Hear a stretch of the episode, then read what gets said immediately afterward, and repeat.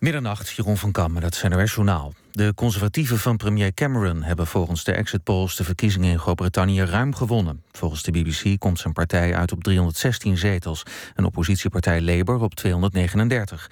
De Liberal Democrats, waarmee Cameron de afgelopen vijf jaar een coalitie vormde, krijgen een flinke klap. Ze gaan van 57 zetels naar 10. Ondanks dat zou de coalitie op een krappe meerderheid kunnen rekenen in het Lagerhuis. De Schotse SNP komt uit op 58 zetels. UKIP van Nigel Farage komt op 2, net als de Groenen. In Jemen is een topman van Al-Qaeda op het Arabisch Schiereiland gedood. In januari de verantwoordelijkheid had opgeëist voor de aanslag op Charlie Hebdo in Parijs. Dat meldt een organisatie die zich bezighoudt met het bestuderen van extremistische groeperingen. Nasser bin Ali al-Ansi zou onlangs zijn gedood door een Amerikaanse drone. Hij was de ideoloog van de jemenitische tak van Al-Qaeda. In Canada is een man van 24 aangeklaagd in een grote cybermisbruikzaak. Hij wordt ervan verdacht dat hij zo'n 2000 jongens tussen de 10 en de 16 jaar online heeft verleid om seksuele handelingen te verrichten voor de webcam. Daarbij deed hij zich voor als tienermeisje. Volgens justitie is er zeker één Nederlands slachtoffer. Canadese politie roept slachtoffers op om zich te melden. Door de aardbeving in Nepal kunnen bijna een miljoen kinderen niet terug naar school. Dat zegt UNICEF. Bijna 24.000 klaslokalen zijn beschadigd of vernietigd. Volgens het Kinderfonds van de Verenigde Naties is in sommige delen van Nepal ruim 90% van de scholen verwoest.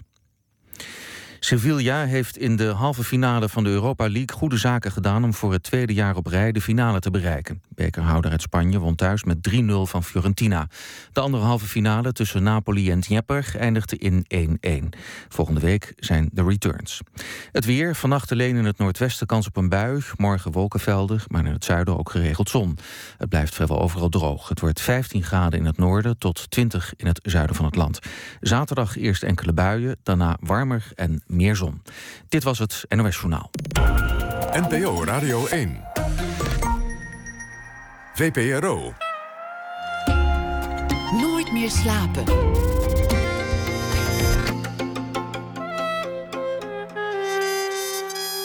Met Pieter van der Wielen. Goedenacht en welkom bij Nooit meer slapen. Kenny B. Na vele omzwervingen als soldaat in Suriname, als lopende bandwerker, heeft hij uh, een hit. Nu ook in Nederland. Hij was al uh, succesvol aan de andere kant van, uh, van de Grote Plas. Maar nu dus ook hier een grote hit met het nummer Parijs. Een gesprek met hem na ene. Dan gaan we het ook hebben over roofkunst. Een opmerkelijk verhaal. Geroofde kunst die terugging van Texas naar Duitsland. Toch het voormalig Derde Rijk. En Ninja Weijers schrijft een eh, verhaal over de afgelopen dag. Maar we beginnen met Paul Koek. Tulpmania is de voorstelling die hij heeft gemaakt samen met zijn eh, groep De Veenfabriek. Een ode aan de tulp, aan de schoonheid, de gekte, het grote geld en de wanhoop. Muziek, theater, spektakel, een voordracht en uh, catering en wijn. En dat allemaal in de hallen van bolle-exporteur Molenaar in Voorhout.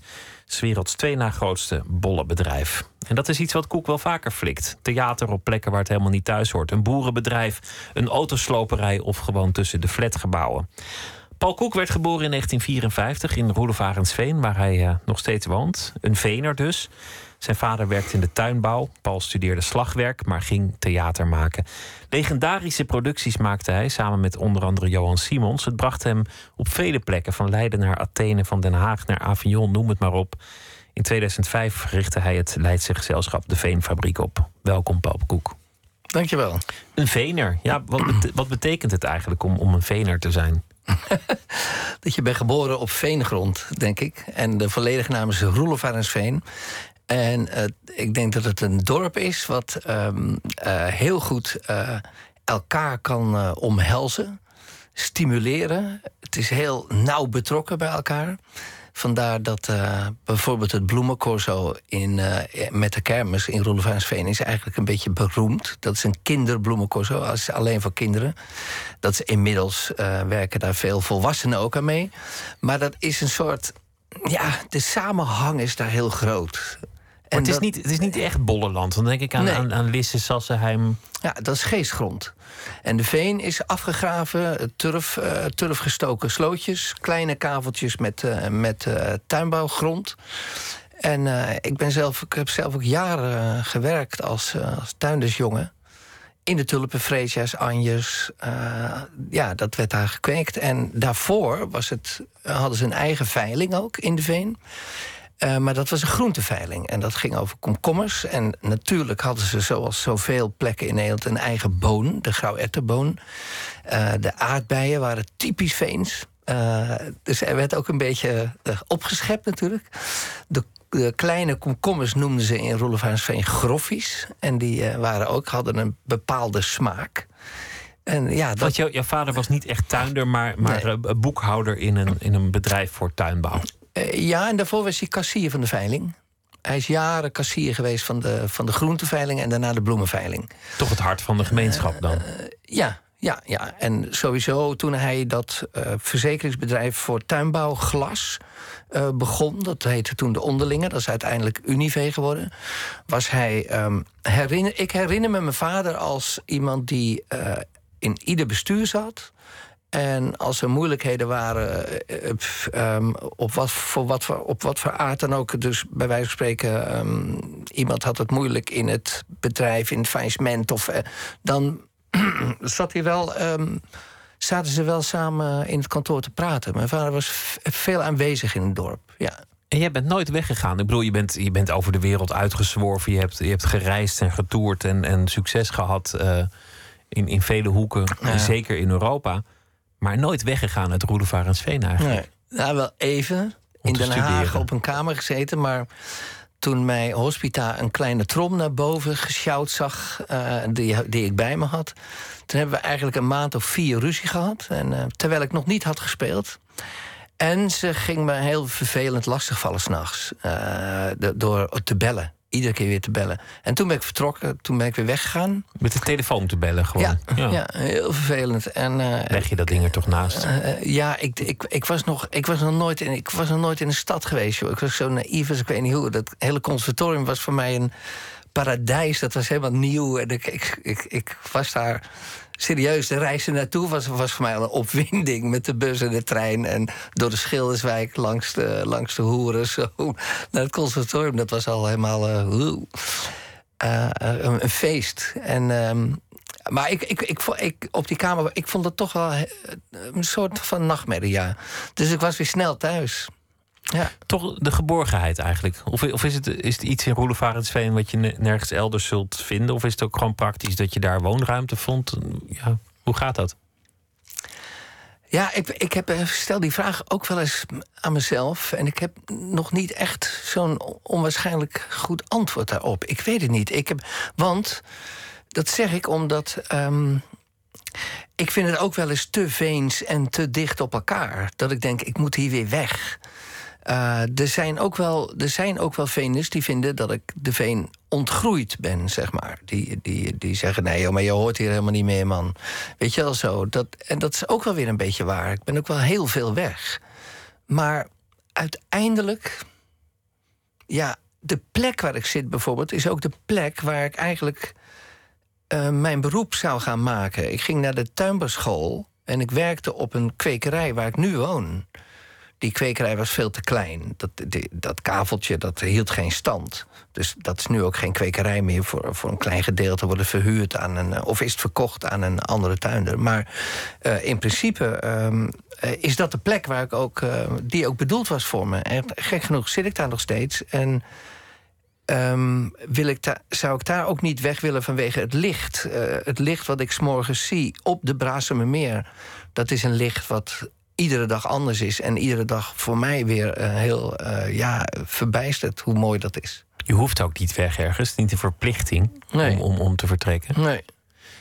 Het contrast tussen de tuinderswereld en, en wat je nu doet is groot. En ik denk dat ik dat het beste kan illustreren door een fragment te laten horen uit de voorstelling die je gemaakt hebt. Mm daar, daar, zeg ik dan wel bij dat het, dat het niet echt over gaat komen, omdat je in die voorstelling het van alle kanten krijgt. Het, je zit als het ware in de bol en de muziek komt van alle kanten, dus je ervaart het meer.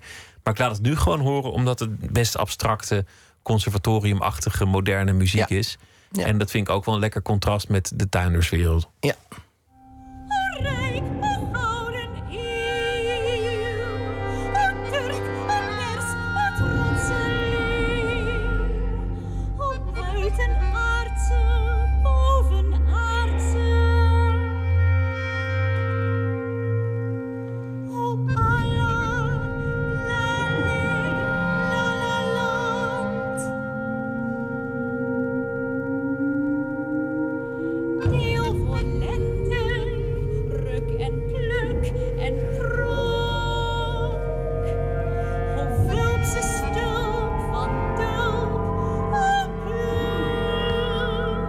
Vrij groot contrast met, met uh, de, de, de, wereld van, van, van grote, uh, vieze handen.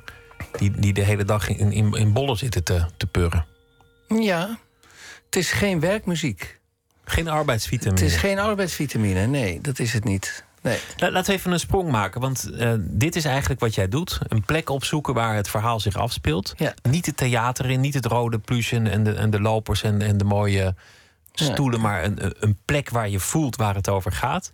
Ja. Maar dan totaal geen compromis doen aan wat er gebeurt. Ik bedoel, je gaat niet op de knieën om het publiek Nee. het naar de zin te maken of, of het makkelijk te maken. Dat is niet de bedoeling. Nee, ik, ik denk dat ik artistiek heel erg eerlijk wil blijven. Maar ik ga ook wel een beetje door, door, door de knieën, maar dan op een andere manier. Ik vecht wel in het repetitieproces. Blijf ik wel vechten dat het uiteindelijk. Dat ik weet dat het uiteindelijk overwint, die muziek. Dat die binnen gaat komen. Dat die binnenkomt op twee manieren. Dat die, dat die binnenkomt in het hoofd en dat die binnenkomt in de buik. En daar kan geen één mens aan ontkomen. Daar krijg je een gevoel bij. Of je nou tuinder bent of uh, dirigent bij het concertgebouw, dat maakt niet uit. Dat, dit voelen we allemaal. En uh, soms uh, lukt dat, soms ook niet. Maar dat is wel mijn door de knieën gaan. Dat, dat, dat moet. En, je wil die mensen erbij sleuren, je wil die mensen erbij halen. Waarom eigenlijk? Omdat de drempel naar schouwburgen en naar moderne academische muziek te groot is voor de regio. Um, in, in, uh, ik generaliseer natuurlijk een beetje. dat mag, vind ik, in dit gesprek. Maar um, er is, naar mijn idee, om de steden heen een heel groot gebied wat, um, waar wij niet komen. En, en ik, vind dat, ik vond dat toen ik klein was al heel raar dat bij mij in mijn dorp cabaretiers uh, voor een tientje, tien gulden entree uh, de boel gingen uitzitten proberen met een kladblokje en eigenlijk heel weinig tekst en gewoon maar wat uitzitten proberen.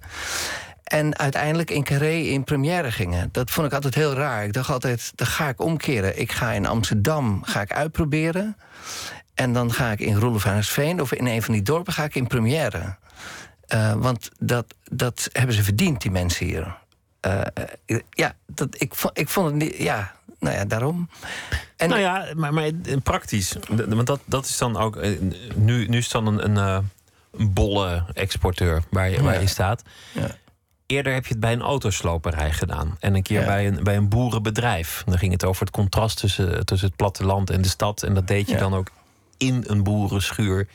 Die toevallig eh, even leeg stond of waar toevallig even plek was. Ja. Hoe begint zoiets? Een autosloperij. Jij loopt binnen. Theatermaker, je, je Nou, geeft een hand. Hoe, hoe gaat dat? Nou, in die tijd met Hollandia reed ik vaak eh, met Johan eh, door Noord-Holland om te Johan kijken. Siemens. met Johan Siemens, ja, ja. Het was een hele, hele toffe tijd. Dat eh, ehm, ja, overtuigd van wat we deden, zochten we naar eh, locaties.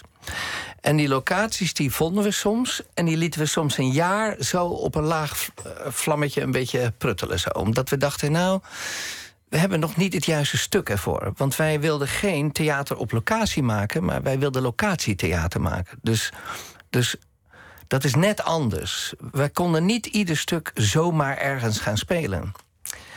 En met name in Westzaan, die autosloperij, dat was voor ons op een gegeven moment. Ehm, hadden we een Griekse tragedie, Prometheus, waarvan we dachten: wow, dat moet daar. Want die autosloperij zagen wij op dat moment, eh, met name Johan, eh, als het einde van de wereld. Ehm, dus het einde van een beschaving, zo'n autosloperij. Dat, Zo'n auto is een droom geweest, ooit Precies. aangeschaft en, en gemaakt. En, en het, Precies. het wonder van techniek. En dan eindigt hij Ja. daar. Ja, eh, uit elkaar geslagen, ja. in de pers ge- gedeukt.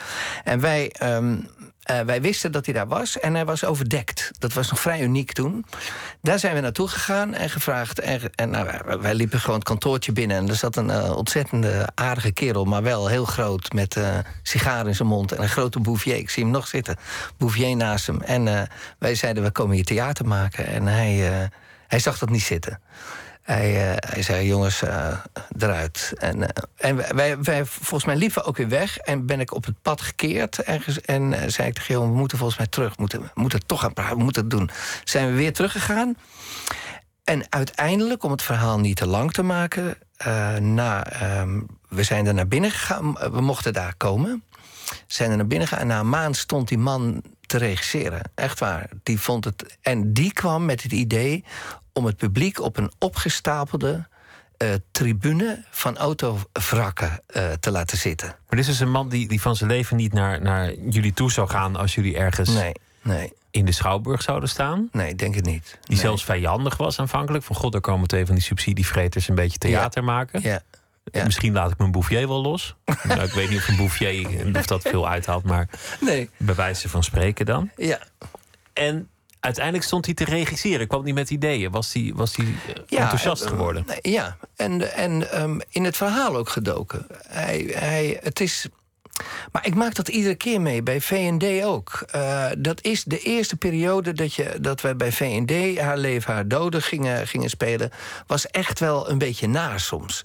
Uh, dat was uh, dat de klanten van VND zeiden: zeg, komt het busje al? Als we een scène aan het repeteren waren. Hè, alsof we ja, lijp waren. lijp waren. Maar doordat wij steeds beter dat in dat bedrijf gingen werken en wij steeds makkelijker en steeds dieper aan het repeteren waren, was het op laatst zo dat er klanten van VD een hele middag bij ons bleven. Maar echt een hele middag met een boodschappentas. En het was heel tof ook. Dat is heel erg leuk. Hier bij Molenaar is het eigenlijk hetzelfde. Je komt binnen. Ik had wel al gesprekken gehad met verschillende mensen uit het bedrijf.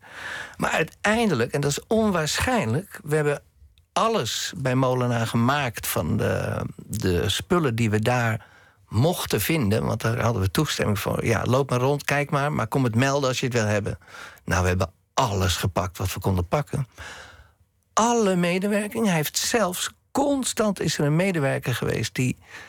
Nou, ik durf wel te zeggen, dagen met een, uh, met een, uh, met een car, hoe noem je dat? Een uh, heftruck.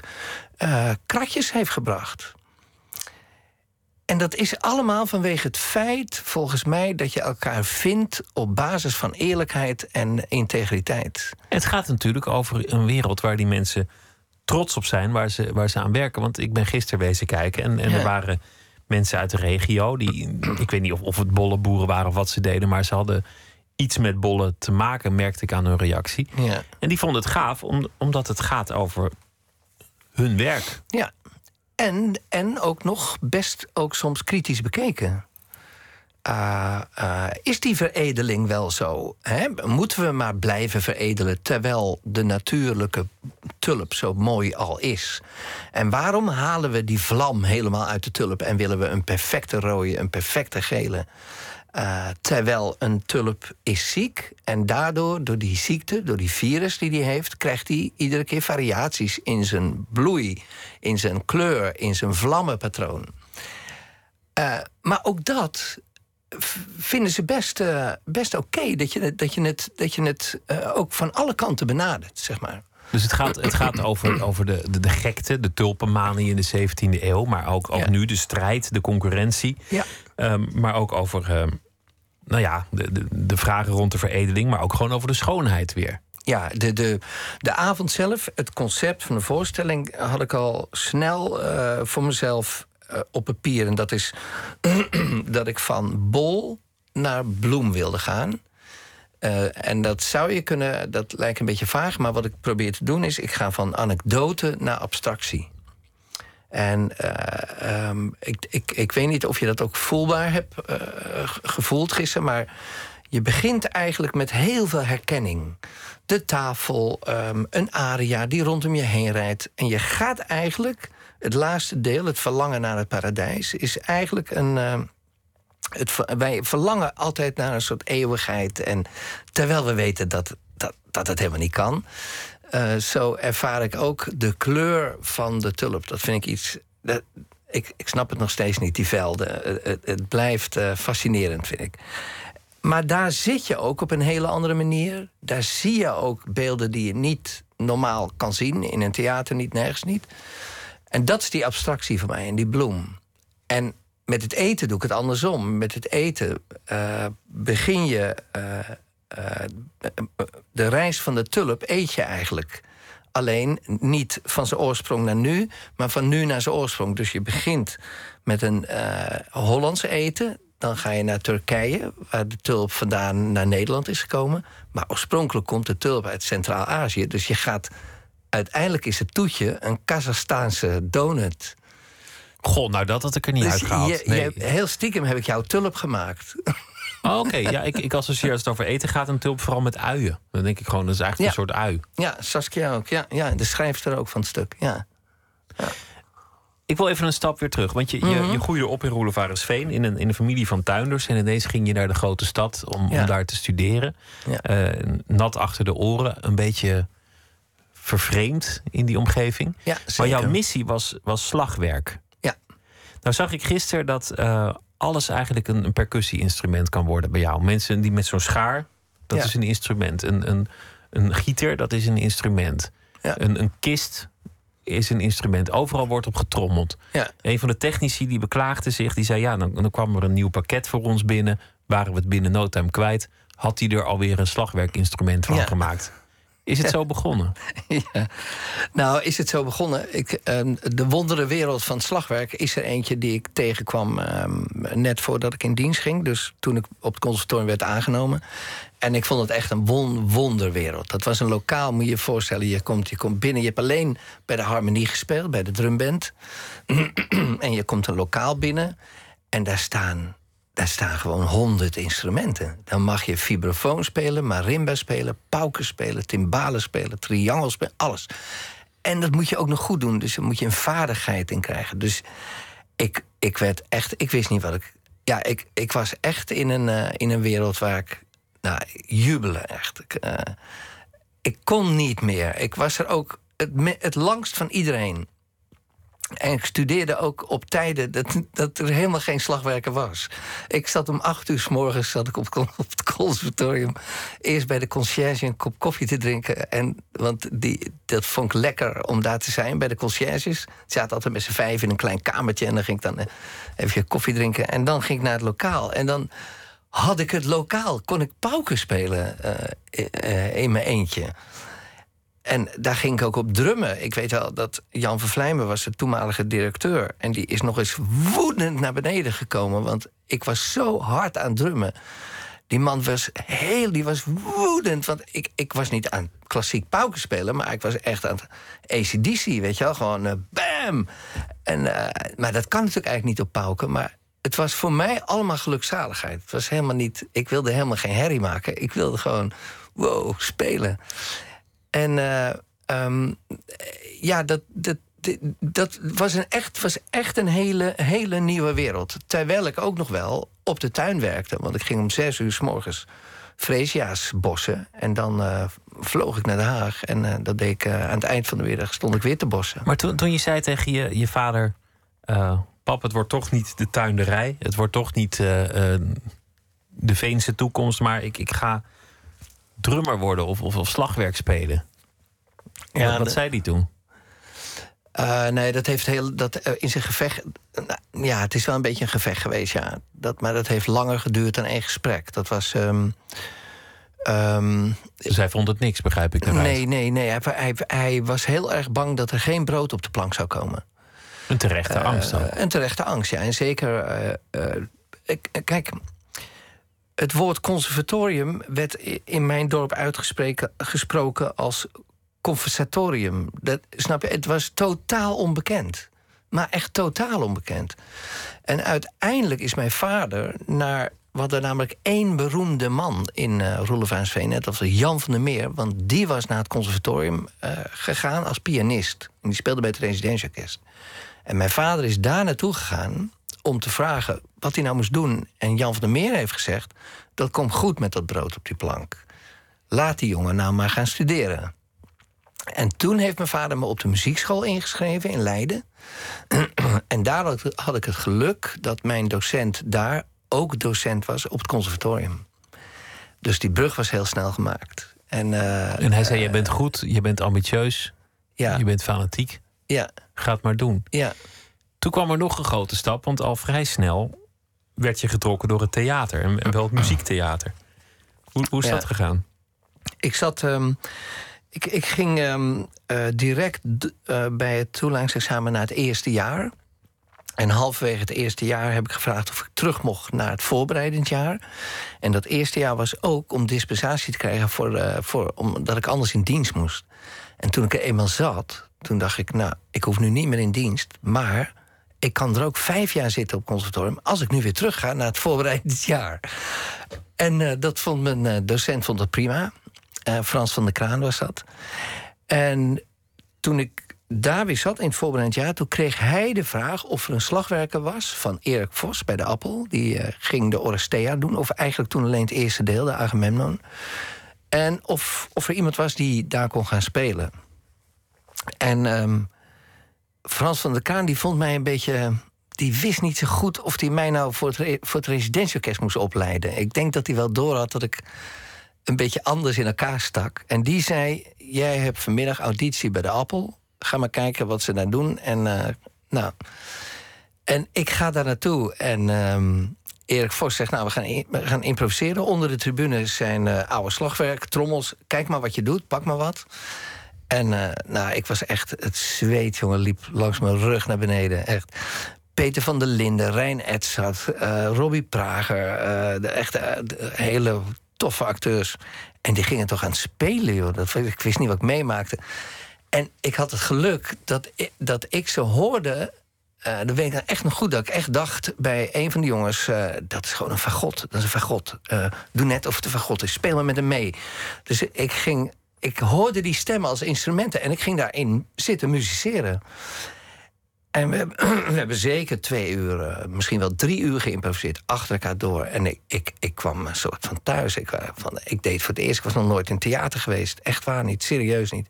En ik vond het geweldig, fantastisch. En toen zei Erik Vos, na die improvisatie, zei... eh, ik wil dat je komt, maar je moet eh, niet ehm, vier dagen voor de première... de hele repetitieperiode. En toen werd ik even een beetje angstig. Ik dacht, daar gaat mijn geluk, want het conservatorium was toch wel... En toen ben ik gaan praten met mijn leraar. Toen hebben we mijn lessen zo kunnen zetten... dat ik s'morgens voor elf alle lessen kon doen. Dan ging ik naar de appel en na vieren weer. Dus dan kon ik van elf tot vier bij de appel zijn. En zo werd je dat theater gewoon ingezogen. Ja, ja, ja. en dat, dat, is, dat is voor mij dat is een, een, eh, een zondagskind. Was ik. Ik, ik, ik, maakte, ik maakte het conservatorium mee en tegelijkertijd Erik Vos, die. eh, vergis je niet, die, als de, hij een stuk ging regisseren, dan sprak hij twee weken, analyseerde hij het stuk. Ehm, eh, dus van echt waar, twee weken lang, van 11 tot 4, sprak Erik Vos over wat Shakespeare, of in dit geval eh, de Orestea van. eh, van ehm, eh, ik kom even niet naam, maar van de auteur. analyseerde die. En nou, ik lag als een kleuter op mijn, op, mijn, op mijn armen, op mijn handen, op een tafel naar hem te luisteren. Ik wist niet wat ik meemaakte. Dat, daar heb je zelf ook wel een tik van gekregen. Want ik hoorde dat je bij dit stuk over die tulpen. Eh, iedereen een, een, flink lijvig boekwerk mee naar huis hebt gegeven. met alle ins en outs over Ja. de geschiedenis van de tulp. En een dringend verzoek om dat Ja. goed te weten. Omdat mensen moesten echt deskundig zijn over de tulp. voor ze Ja. ook maar een triangel konden aanraken. Ja, nee, ik heb iedereen een rieder gegeven. Ja, dat klopt. Ook de twee, twee onderwijsinstellingen die parallel aan ons, eh, dus de Acteerschool Rotterdam, ook allemaal rieden, die studenten. En Time, een, een master muziektheater die bij mij in het gebouw zit, ook allemaal rieder. Ja, weet je, ehm, je komt te gast in een wereld die ja zegt. Hè? Molenaar eh, zegt kom maar. Ja, dan vind ik wel dat je je moet voorbereiden. Dan moet je daar komen en dan moet je iets weten. Dan moet je, moet je daar ook staan met, met, een, Ja. eh, met een verhaal. Ja, We gaan eh, luisteren naar iets ehm, heel anders wat je ook hebt gedaan. Namelijk eh, samen met eh, Jeroen Willems, acteur Oh, die ja. kort geleden veel te jong is overleden. Nou. Een enorm getalenteerde acteur. Ja. Jullie deden een, een voorstelling naar Monteverdi. Ja. Een componist die, die, ja, die eigenlijk meer heeft veranderd in de muziek dan de Beatles, de Stones en ACDC Ja. samen in zijn tijd. Alleen omdat wij vanuit het heden terugluisteren, hoor je dat misschien niet eraan af hoe revolutionair dat ja. toen geweest moet zijn. Maar nog Ja. steeds mooie muziek. Ja. En we gaan luisteren naar eh, een stuk uit die voorstelling uit eh, Orfeo. Ja, oké. Amor. Amor.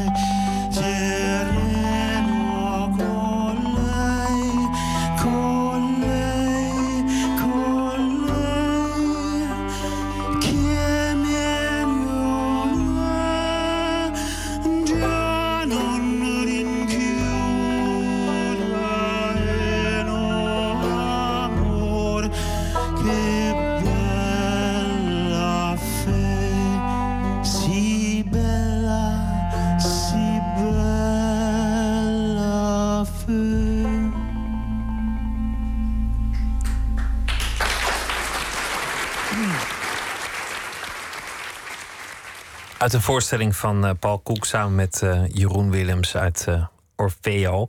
Ja. Ja, Orpheus en Monteverde. Maar jullie maken er eigenlijk bijna popmuziek van. Dat, die dalende kwartnoot. Bij, nou ja, noem alle rockhits waar, waar het in voorkomt. Van, Ja. van My Way tot Stairway to Heaven tot Ja. nou ja, liedjes van de Beatles, Nirvana. Het, Ja. het is een echt een rock'n'roll trucje. Ja, nee, ik, denk, ik denk dat het meest gespeelde liedje is ever. Dat kan niet anders. Er is zoveel muziek, popmuziek gebaseerd op de dalende kwart. Op dan die komt- reeks. en dan komt er zo'n, eh, alles. Zo'n renaissance-componist die dat gewoon Ja. al, al bedacht heeft. Ja, dat is verbijsterend, die man. Dat is echt verbijsterend. En het is ook echt een muziektheaterman, Monteverdi.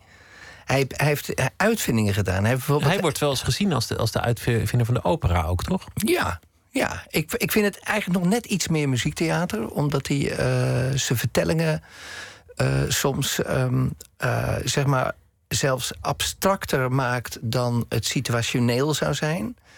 En wat hij bijvoorbeeld ook heeft gedaan, is ehm, de uitvinding dat het publiek binnenkwam en dan speelde hij een zogenaamde symfonia. En dat was gewoon drie minuten, bleef het doek dicht, speelde die muziek om de mensen uit hun alledaagse wereld te halen. En in zijn wereld, eh, eh, ja, eigenlijk een soort proloog, muzikale proloog. En de, ja, de- fenomenaal. Eh, en hij heeft, in, hij heeft nog in Limburg, hij is nog in Limburg geweest. Monteverdi is in Nederland geweest. Echt waar? Ja. Kwam ja, daar doen? Ja. Ehm, hij ging de soldaten bezoeken. Hij heeft ook heel veel oorlogmadrigalen geschreven. Die ze s'avonds in het kamp met elkaar zongen. Ja. Het eh, dramatische was, de- deze voorstelling eh, hadden jullie gemaakt. Jullie kregen er eh, lof voor. Jullie hadden ontzettend hard eraan gewerkt. Een, een, een gewaagde stap om oude muziek uit de oude muziek te halen. Weg van de authentieke uitvoering en er, en er rock'n'roll van te maken. Ja. En dan muziektheater. En uiteindelijk hebben jullie heel veel voorstellingen moeten annuleren. Omdat Jeroen Willems Ja. dood was Ja. ineens. Ja, verschrikkelijk. Echt vreselijk. We hadden eigenlijk een beetje de afspraak. Het was in december. eh, we, zouden, we zouden nog weer in, eh, in Schouwburg in Amsterdam. eh, zouden we het nog doen. We hadden wel een beetje de afspraak. Misschien moeten we hierna echt een keer zeggen. Nou, nu hebben we het genoeg keren gespeeld. Maar de, ja, de hele reeks is, is gewoon afgezegd. Ja, het is, een, het is naast Orfeo een enorm verlies. Ik heb zoveel gespeeld met, eh, met Jeroen. En zoveel meegemaakt. Ik bedoel, samen in New York. eh, Orfeo gespeeld. ehm, met Trak en, eh, en Jeroen. En ehm, nou ja, het is... ja, ik durf wel te zeggen dat... Als ik een, als ik een liefdevol top 3 heb van de stukken die ik in mijn leven heb gespeeld, dan zit hij daar wel bij hoor. Dat is wel echt onwaarschijnlijk. En dat is toch wel ook, dat is ook wel echt Jeroen. Het is ook zijn idee, hè? Hij werd gevraagd door de kleine zaal eh, concertgebouw. Die hadden toen een race waarbij ze acteurs vroegen om een muzikale bijdrage, invulling, hoe zij het wilden. En toen belde Jeroen op en die zei: Ik wil Orfeo doen met Trak. En Trak was een formatie die improviseerde alleen maar. Zijn allemaal eh goede, bekende eh, muzici van elkaar. En die durven gewoon te zeggen: Oké, geen één regel. We gaan op en we gaan spelen. Eh, Jeroen die kwam daarmee aan. Dus ik dacht echt: Wat zeg je nu, Monteverdi?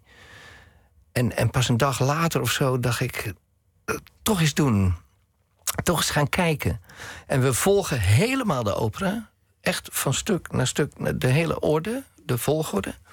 En met respect en in gedachten de progressieve Monteverdi hebben we geen noot veranderd, maar werkelijk geen noot. Maar we zijn wel gaan improviseren en reflecteren op die muziek. En we zijn noten gaan, soms gaan weglaten, maar dan hebben we wel eerst het hele thema gespeeld. Dus we hebben er allerlei wetmatigheden aan gehangen. En, Waardoor dan, en we, een banjo erbij bijvoorbeeld. ja, in, in eh, Della Nympha ehm, gaan we zelfs in een, ehm, ook nog in een andere maatsoort een banjo en een gitaar inbrengen. En het, het, ja, er zullen mensen zijn die, die het niet waarderen, maar de zalen waar we speelden, daar was de waardering heel groot. En, Je krijgt nog eh, steeds een brok in je keel hè? Als, je, als, je, als je eraan terugdenkt aan, ja, aan Jeroen. Merk ja, ik. ja, nee, ik vind dat heel moeilijk. Eigenlijk best wel moeilijk, ja. Ja, ik, eh, dat is zo'n ehm, eh, intense eh, wereld geweest waar we in hebben gezeten. Maar echt, echt Maar ja, je, intens. werkt- je, je maakt hele lange dagen. Je, je bedoel, jij werkt ook echt hele lange dagen, zeker naarmate een voorstelling dichterbij komt. Ja. Heel intensief, want dit, die voorstelling ging ook Ja. over hem. Dat wa- was Ja. op zijn lijf geschreven. Dus, dus dat is een enorme dreun geweest. En financieel waarschijnlijk ook. Ja, Dat soort ehm, dingen komt er ook nog bij kijken natuurlijk. Daar heb ik nooit aan gedacht. Is nooit bij me opgekomen, nee. Nee, dat weet ik eigenlijk- nee. Het was alleen maar een onwaarschijnlijk verlies. Ik kon het niet begrijpen. En ik, ik, ik herinner me altijd nog één ding... en dat was dat we van het, ehm, eh, het eiland eh, boven New York terug gingen met, het, eh, met de, de veerboot naar, de, naar New York zelf, City. En dat we naar die skyline zo stonden te kijken. En toen zei Roen, moet je naar kijken man, over 100 jaar is er niemand meer die we nu zien. En we zagen heel veel mensen. En dat kwam echt bij me binnen. Ik dacht, ik dacht echt, wow, dat is echt waar, ja. Over 100 jaar is er niemand meer die we nu zien. Uh, dat, die zin vergeet ik nooit meer. Dat dat opeens tegen me zei. Ja, hij liep gewoon iets voor op de rest eigenlijk. Als, Ja. je, als je het cru wil zeggen. Misschien wel, ja. ja. We gaan nog even terug naar, naar Roelof Arendsveen. Want ehm, je, je bent er gaan wonen. Je, je, je komt er vandaan. Ik heb, ik heb daar ooit... eh, mijn herinnering aan Roelof Arendsveen is trouwens... dat ik er ooit een, mijn eerste auto heb gekocht. Dat Oh, zijn ja? dingen die je dan niet vergeet. En die, Oh, ja? die, en die hield het vol tot Rijpwetering. Dat is, wat is het, drie kilometer? en toen Ja, dat- was die al kapot. kwam er gewoon rook uit. Een hele mooie wagen. Prachtige auto. Iedereen zei, je bent gek als je het doet. En, eh, nou ja. Was het een Amerikaan, een lichtgroene Amerikaan? Want ik heb mijn lichtgroene Amerikaan verkocht... Nee. waarvan ik wist, die rijdt niet lang meer. Nee, Oh. voel je niet schuldig. Het, het, het was geen lichtgroene Amerikaan. Maar het was een hele slechte, slechte auto. Nou, maar die, die, die autohandelaar heeft hem netjes teruggenomen. Wat, Oh, goed zo. wat Ah, ja. pleit voor het karakter van... Van de eh, Veender. Van de, van de Veender, uiteindelijk. Ja. Het Veentheater, je hebt het er ook naar vernoemd. Ja, de veefabriek. Ja. De Veenfabriek. Was, dat- was Ja. dat uiteindelijk jouw, jouw droom? Een eigen theater, een, een eigen plek... waar je precies datgene kon doen wat je, wat je altijd al hoopte? Nou ja, ik, wat dat betreft eh, is het ook weer heel praktisch. Kijk, het moment dat eh, Johan en ik met Hollandia naar het Zuidelijk Toneel gingen... toen kreeg ik het al ietsje eh, moeilijker... Omdat, ik, omdat het voor mij ging het eigenlijk alleen maar nog maar over het grote. Hè? Dus we moesten het grote gaan aanraken. De grote festivals, de, de, dure restaurants. De, en ik, ik, ik kreeg daar moeilijker en moeilijker mee. En ik had op een gegeven moment na die eh, prachtige voorstelling Sentimenti over Jeroen gesproken. Mijn god, wat een rol. Ehm, had ik sterk het gevoel dat Johan en ik eh, uitgewerkt waren eigenlijk. Naar elkaar toe, creatief gezien. We hadden alles gedaan, we hadden alles bevochten. We, hadden, we hebben elkaar lief gehad en gehaat. En we waren als broers. En ik dacht, het is artistiek gezien eigenlijk klaar. En toen heb ik de moed in mijn schoenen gehad om te zeggen... Johan, ik eh, kap ermee, ik ga weg. En dat was he- heel heftig. Toen ben ik weggegaan. Maar het is heel pragmatisch geweest dat ik dacht... Ik, ik ga nu mezelf een plan schrijven. Ik moet iets. Ik moet iets doen. Want je gaat weg uit zo'n uit zo'n uit zo'n zuidelijk toneel... Uit je eigen, uit je eigen stichting. En iets, iets wat, wat ook eigenlijk tegen jouw karakter indruist. Ja, ja ik vond het heel moeilijk. Want je, want je hecht aan, aan mensen, aan omgevingen, aan, Ja. aan plekken, aan, aan eh, nou ja, noem maar op. Je bent niet degene die de relatie uitmaakt, zeg nee, maar. nee, ik vond het heel erg moeilijk. Ik ben zelfs bang eigenlijk om alleen te zijn. Dus ik vo- vond ik echt moeilijk. Maar ik vond, ehm, ik vond ook dat op het moment dat de kunst een herhaling van zetten wordt, dan moet je toch wel heel goed gaan nadenken of je dat wel wil. Want je En moet, je moet daar, het moet scherp zijn. Je, je, je moet, ja, de mensen komen speciaal daarvoor. Ja. En, Ja, en die je- voelen je- dat. Ja, eh, zeker ook als je geen repertoire wil, eh, per se wil eh, herhalen. Hè? De, dus de interpretaties van het repertoire, dat deden wij bijna niet. Eh Johan meer dan ik, maar ik. ik, er, er, is niet, er is geen muziektheaterrepertoire. Er is wel opera-repertoire, maar er is geen muziektheaterrepertoire. dus ik moest wel eh, het vuur bij mezelf houden om weer opnieuw te, te maken. En eh, ehm, toen ik eenmaal die beslissing had genomen, toen kon ik eigenlijk. ik stond een beetje met mijn rug tegen de muur. Ik moest gewoon een eigen plan gaan schrijven. En het is gelukt. Tien En jaar verder zijn we, zijn Ja. we inmiddels. Ja. Eh, de, de Veenfabriek te Leiden. Ja, Ja, en eh, jullie reizen rond. Jullie maken dingen eh, op locatie. ja. Het is een heel mooi ensemble geworden. Al zeg ik het zelf. En ik ben eh, onwijs. eh, als, je ziet, als je nu ziet, bijvoorbeeld bij Tulpmania, wie daar allemaal bezig zijn en met echt met 200% willen maken dat die avond lukt, dat, is echt, dat geloof je niet. Dat zijn koren uit de omgeving. Vier verschillende koren uit de omgeving. 32 vrijwilligers. Uh, daar zit de productieleiding, techniek, uh, uh, acteurs, Asko Schoenberg, Slagwerk Den Haag. Echt waar, ik, ik sta echt soms zo te kijken dat ik denk: Koek, ga op je knieën, jongen, en bedank ze allemaal. Jee, moet je kijken. Het is echt waanzinnig. Molenaar. Maar je, je, hebt ook, je hebt ook iets gedaan in, in een raadzaal bijvoorbeeld. Ik, ik noemde al dat Ja. je in, een- in een boerenbedrijf bent gestaan. De, de autosloperij uit een verder verleden kwam langs. Ja. Iets tussen flatgebouwen, de, de, de V&D. En dan, Ja. dan was er dat publiek dat, dat in de V&D zei van... nou, het busje komt zo hoor, stelletje helemaal loten. En eh, er is ook de anekdote dat, dat de mensen eh, in de buurt zeiden... naar theater, ik blijf wel thuis op de Ja. bank. Ja, op, op het balkon Ik weiger. zitten. Ja. ja, wij stonden met die tent in die, tussen die flatgebouwen. En ze bleven op, op het balkon zitten. Daar was bier. Ja, ja, nee, ze kwamen niet naar beneden. En uiteindelijk kwamen ze wel omdat we een kroeg hadden gebouwd. Maar dan kwamen ze weer niet in de, in de uitvoeringstent. Maar dan bleven ze in de kroeg eh, eh, bier drinken. Met, eh, daar heb ik weer veel theater gezien. Want die raakte ook aan de slag. Maar toch snap ik nog steeds niet helemaal waarom, waarom wil je per se mensen erbij sleuren die normaal niet zouden komen? En wat is toch steeds het verhaal dat je wil vertellen? Waarom, waarom wil je iets vertellen over een raadzaal, over, over het platteland en de stad? Waarom moet je die mensen bij jouw verhaal sleuren? Omdat er is meer dan het beroep wat je bent. Het beroep wat je uitvoert, dat ben je niet. Er is veel meer. Er is fantasie. Er is rijkdom in denken. Er is een onwaarschijnlijke rijkdom in het combineren van dingen. Er is heel veel meer.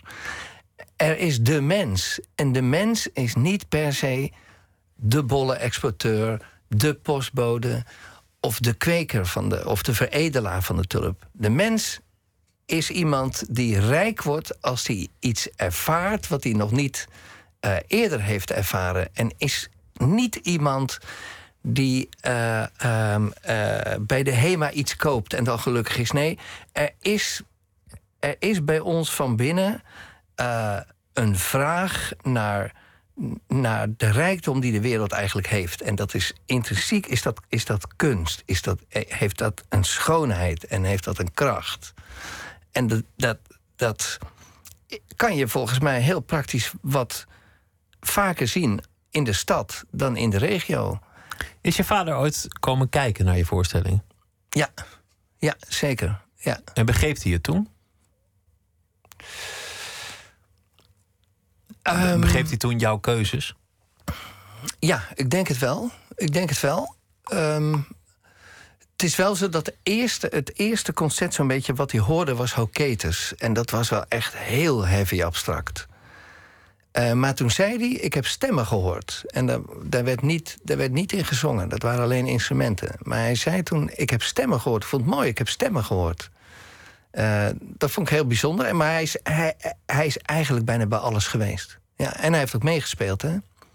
Ik heb hem in de Perzen, hebben we hem eh, met twee andere bloemisten, hebben we het koor van de Perzen, het is ook Europa doorgegaan. Dat waren drie oude tuinders. Of oude, met respect, 70 jaar.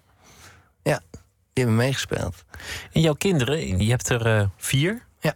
Die zijn alle vier iets, nou ja, iets in, in de kunsten gaan doen.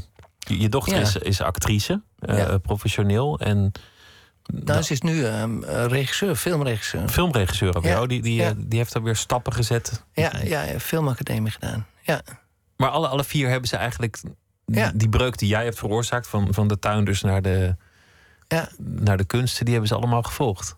ja, kan er ook niks aan doen. Ja, dat is Ja, kennelijk heb je ze aangestoken of zo, denk ik. Ja, ik denk wel dat er een heel klimaat uiteindelijk natuurlijk bij mij thuis was. Ehm Marieke, mijn lief, die is ook heel erg eh, in de kunst, zingt heel veel.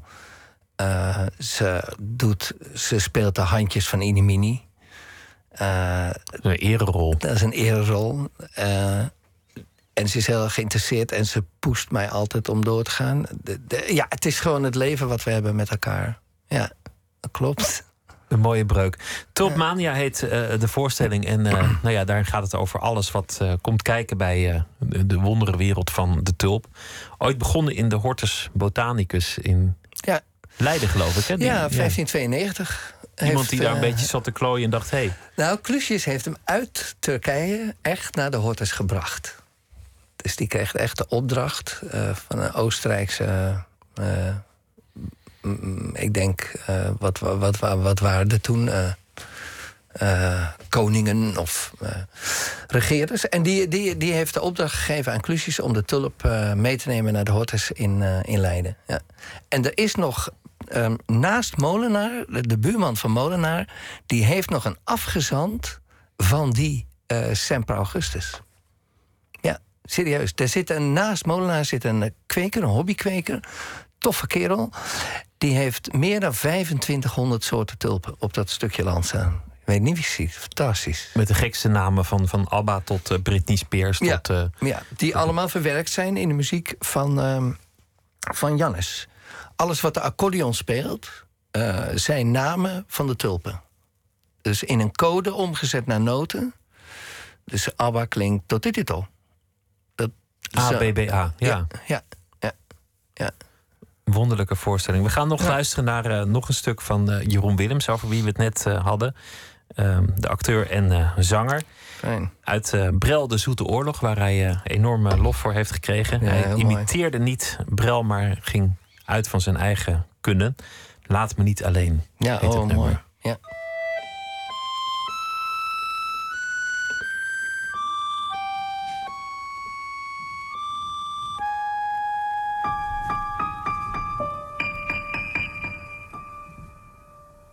Laat me niet alleen, toe vergeet de strijd, toe vergeet de nijd. Laat me niet alleen, en die domme tijd vol van misverstand. Ach, vergeten, het was verspilde tijd. Hoe vaak hebben wij met een snijdend woord ons geluk vermoord. Kom, dat is voorbij, laat me niet alleen. Laat me niet alleen, laat me niet alleen. Laat me niet alleen, lief. Ik zoek voor jou in het stof van de wegen. Parels van regen, parels van dauw. Ik zal heel mijn leven werken zonder rust. Om jou licht en lust, goud en goed te geven.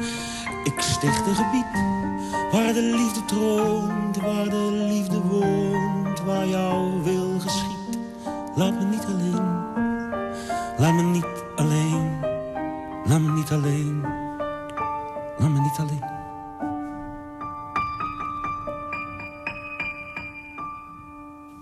Laat me niet alleen. Ik bedenk voor jou woorden rood en blauw. Taal voor jou alleen. En met warme mond zeggen wij elkaar. Eens was er een paar dat zichzelf weer vond. Ook vertel ik jou van de koning die stierf van nostalgie. Hunkerend naar jou, laat me niet alleen.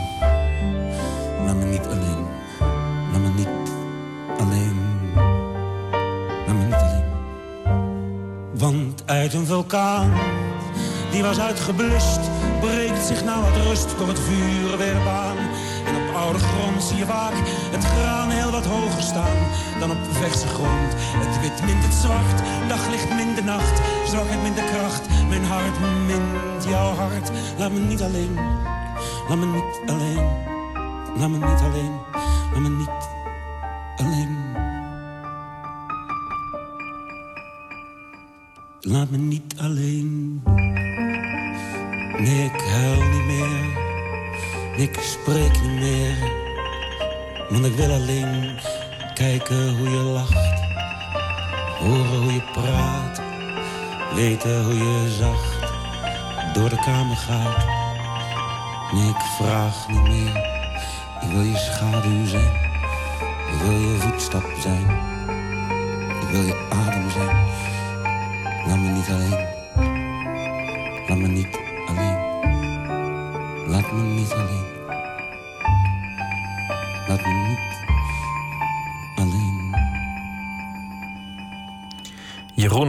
Willems laat me niet alleen uit Brel, de Zoete Oorlog.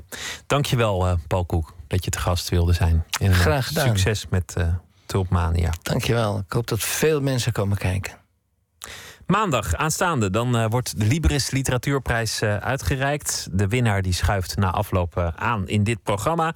Elke avond iemand die een boek aanprijst. Dolf Jansen, cabaretier en presentator, neemt het op voor Roxy van Esther Gerritsen.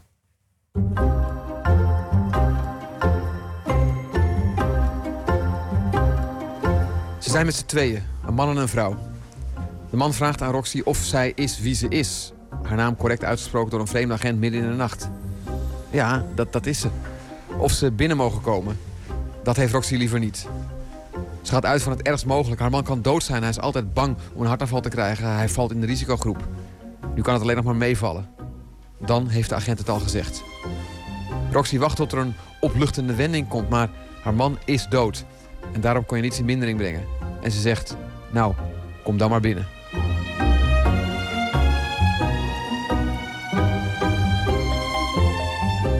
ik ben natuurlijk van de grappen en ik sta wel op een podium en dan maak ik, zou je kunnen zeggen, grappen. En er zit er een punchline in. Bij haar is het een andere soort van grappig. De, volgende de zin is ook, ze, ze houdt niet van vreemden in huis. Een heel herkenbaar gevoel. Maar ja, als er twee agenten op de stoep staan, dan moet je ze toch binnenlaten. Dus eh, er zit ook inderdaad, er zit in ieder geval een soort van glimlach of, of misschien een grimlach uh, zit er alweer onder.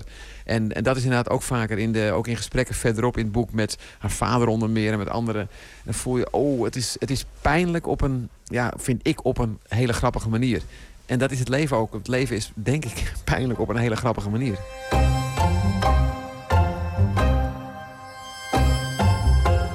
Het gaat in ieder geval over een vrouw die hoort dat haar man zomaar plotseling dood is. En je zou kunnen zeggen dat die vrouw, uh, Roxy, daarna op zoek gaat... misschien wel naar, naar het verhaal daarachter... maar ook wel een beetje op zoek naar, naar zichzelf. Ze gaat letterlijk en figuurlijk, denk ik, op een, op een reis... En ze heeft te kampen met het leven, met vragen en antwoorden... en met, uh, zoals vaker in het werk van Esther Gerritsen, met het, ongemak. En ik vind dat ze dat op een of andere manier altijd heel erg uh, mooi uh, beschrijft. Hoe zij schrijft, dat is wat ik het mooiste vind in haar werk. En ook, ook in haar columns en ook in haar boeken. Um, een soort van, ja, ze, ze laat mij zich soms ongemakkelijk voelen maar op een manier die mij raakt. Ik denk van ja, want zo is het leven. Het leven is helemaal niet makkelijk. Uh, de filosoof des vaderlands die ons ontvallen is, zei... Het is, het is een gedoetje. En dat is het leven ook. Het leven is nou ja, zelfs een gedoe. En ik vind dat Esther Gerrits er elke keer in slaagt... om ook haar eigen leven en haar columns... of het leven van haar hoofdpersonen... op een manier neer te zetten dat ik denk van ja, verdomd. Het is allemaal niet zo makkelijk en zo simpel. Maar je kan er wel om lachen of, of om huilen of wat dan ook. En dat, dat vind ik mooi.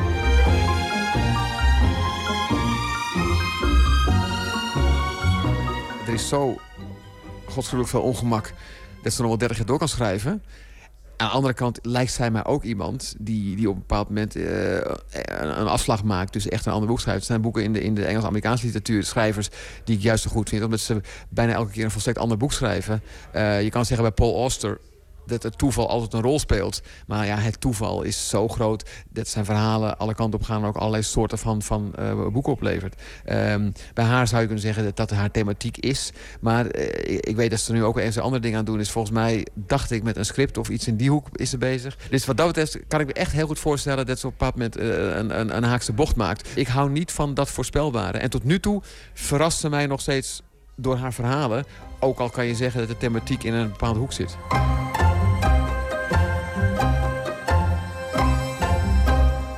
Ik verwacht dat ze gaat winnen. Uh, zeker ook na, na, na, dit gesprek. Want het kan toch niet anders dat het invloed heeft. Um, ik, ik uh, weet niet uit mijn hoofd. Ik heb het lijstje gezien. Maar er zitten nog een paar hele mooie boeken bij. Dat weet ik wel. Um, dus in die zin, uh, het is een prijs. Ik, ik zou het haar zeer gunnen.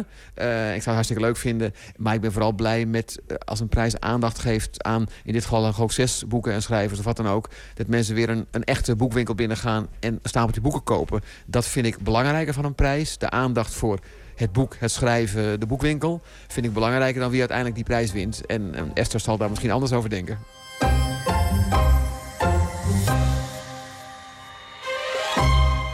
Dolf Jansen over Roxy van Esther Gerritsen. Maandag is de Libris-uitreiking. Twitter, het VPRO-NMS of via de mail nooit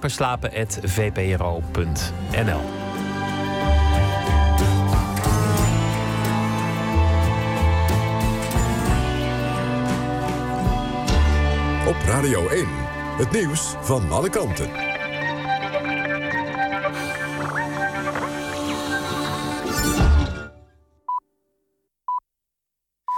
1 uur, Jeroen van Kam met het Journaal. De conservatieven van premier Cameron hebben volgens de exit polls... de verkiezingen in Groot-Brittannië ruim gewonnen. Volgens de BBC komt zijn partij uit op 316 zetels...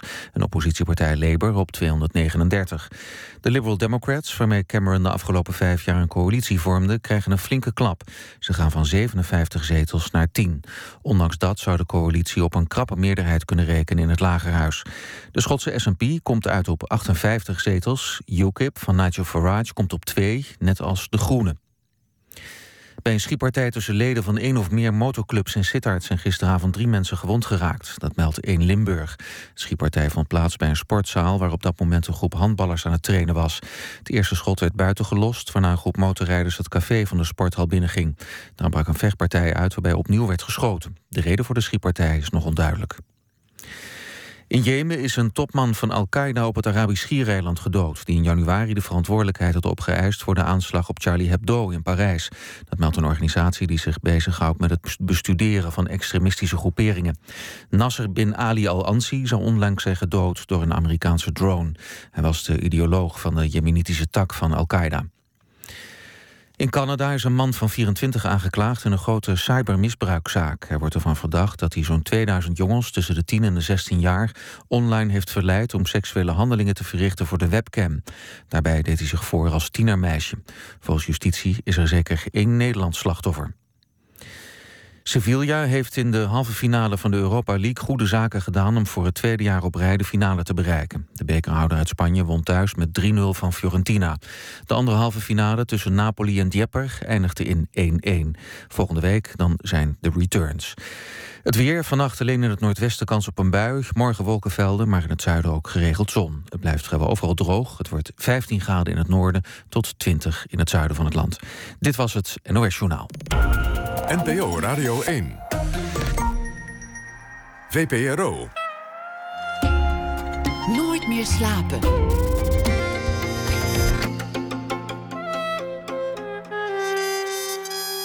Met Pieter van der Wielen.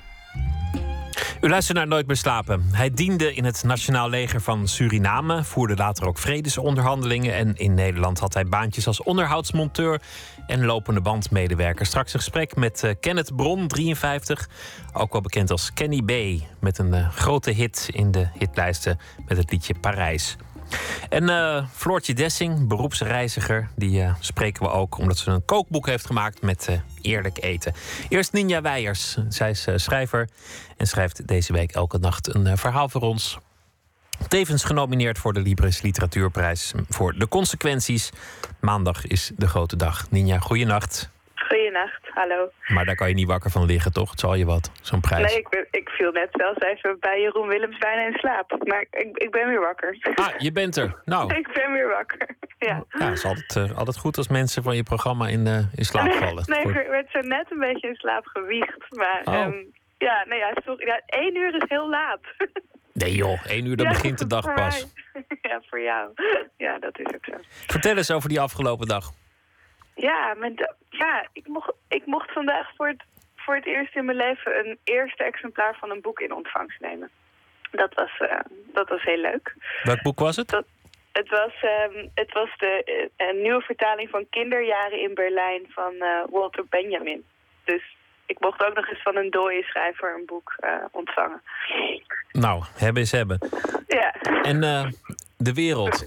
De wereld. Ja, ik las een, uh, ik las een van de, mijn meer favoriete type berichten in de krant. Namelijk dat er weer eens een, dit keer in, ergens in Turkije, bij een archeologisch museum, weer een heel aantal mislukte restauraties is gepleegd op allerlei hele oude kunst.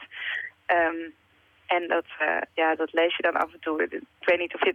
Mozaïeken ging het over, toch? Mo dit keer waren het mozaïeken. Een tijdje geleden was het de baard van Tutankhamon die er ineens afgebroken was. Uh, en een paar jaar geleden, die, dat is nog altijd, dat vind ik de meest hilarische zaak. Dat was, dat was in Spanje, in Zaragoza. Dat er een vrouw een heel, hele Christus-schildering totaal opnieuw heeft. Een, een bejaarde vrouw. Uh, opnieuw schilderde, waardoor dat echt belachelijk werd. En, maar uh, het bijeffect was dat die kerk ineens uh, heel veel toeristen kreeg... omdat het een soort internethit was geworden. Omdat het zo lelijk was geworden. is eigenlijk wel een mooi thema, mislukte restauraties. Precies. Dus ik dacht, dat is een mooi thema. Dus, Nou, eh, Ga ja. je gang. Ik hou van Christus. En daarmee bedoel ik dat ik van hem hou. Noem een lichaamsdeel van hem en ik kan je garanderen dat ik het aanbid. Geef me een eeltlaag, een etterende wond, een zwetende oksel en ik zal die vurig lief hebben. Toen ik een klein meisje was, wilde ik niets liever worden dan non. Trouwen met Christus, mijn hele leven aan hem geven, bidden, zingen, biechten, de hele mikmak. S'nachts zou ik slapen in mijn koude cel. ochtends zou ik me wassen met ijswater. Daarna zou ik een boetegordel om mijn bovenbeen klemmen. De pijn zou ik verbijten. Stralend zou ik mijn taken uitvoeren. Ik zou de nieuwe en verbeterde moeder Teresa worden. Ik tekende graag. De lerares gaf me schouderklopjes. Ze zei dat ik een geboren kunstenaar was. Ik tekende de kleine baby Jezus in zijn kribbe in de armen van zijn moeder. Om zijn hoofd een krans van licht en sterren. Ik tekende hem in zijn hoogtijdagen, genezend, brood uitdelend, glimlachend. Het moeilijkste was om hem aan het kruis te tekenen. De pijn en de wonden, het minieme verschil tussen levend en dood. Ten slotte tekende ik hem in de armen van zijn moeder, naakt, bot en huid. Later, toen ik volwassen was en al mijn dromen al lang vervlogen, zag ik Michelangelo's Pietà in de Sint-Pieter in Rome.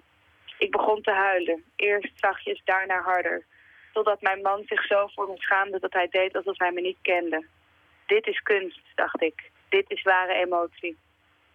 Al jaren kon ik het niet aanzien hoe de Christus in mijn eigen kerk steeds verder verloederd was geraakt. Niemand die naar hem omkeek. Zachtjes streelde ik over zijn afgebladderde wangen, zijn mond, de restanten van zijn neus. Natuurlijk hielp het geen bied.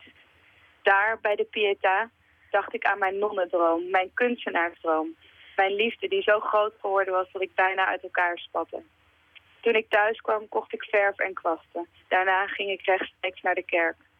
De tijd was eindelijk gekomen om iets recht te zetten. Om alles recht te zetten. Om voor één keer het juiste te doen. Over eh, Jezus en de mislukte restauratie. Ja. Ja, interessant. Dat, ik, vind, ik vind die mozaïeken altijd trouwens heel mooi. Zo'n Jezus, vooral als hij zijn vingertje omhoog heeft. Dat hij dat hij dan zo een beetje streng kijkt. Ja, ja. ja, nu deze mozaïeken in Turkije hebben nu eigenlijk geen enkele gezichtsuitdrukking meer. Eh, zag ik op de foto. Na de restauratie dan. Dat is, eh, dat is toch dubbel tragisch. Heel Ja. tragisch, ja. Het is eigenlijk ook wat er, wat er met elke verbouwing gebeurt. Je wil iets verbeteren. En dan eh, uiteindelijk wordt het meestal slechter dan het was, omdat dat de aannemer het gewoon niet zo goed doet. Ja, Het is met Ja. restaureren volgens mij hetzelfde. Ninja, Ja. dankjewel. Goeienacht. En ehm, morgen Ja. weer een verhaal. En succes maandag met het, eh, ja, dankjewel. met het in ontvangst nemen van je prijs. Of niet. Dank je. Of niet. Precies. Nou, dankjewel. Joe, dag. De band eh, Other Lives uit het Amerikaanse Portland, Oregon heeft een nieuw album. Rituals is daarvan de titel. Het nummer dat we draaien heet English Summer.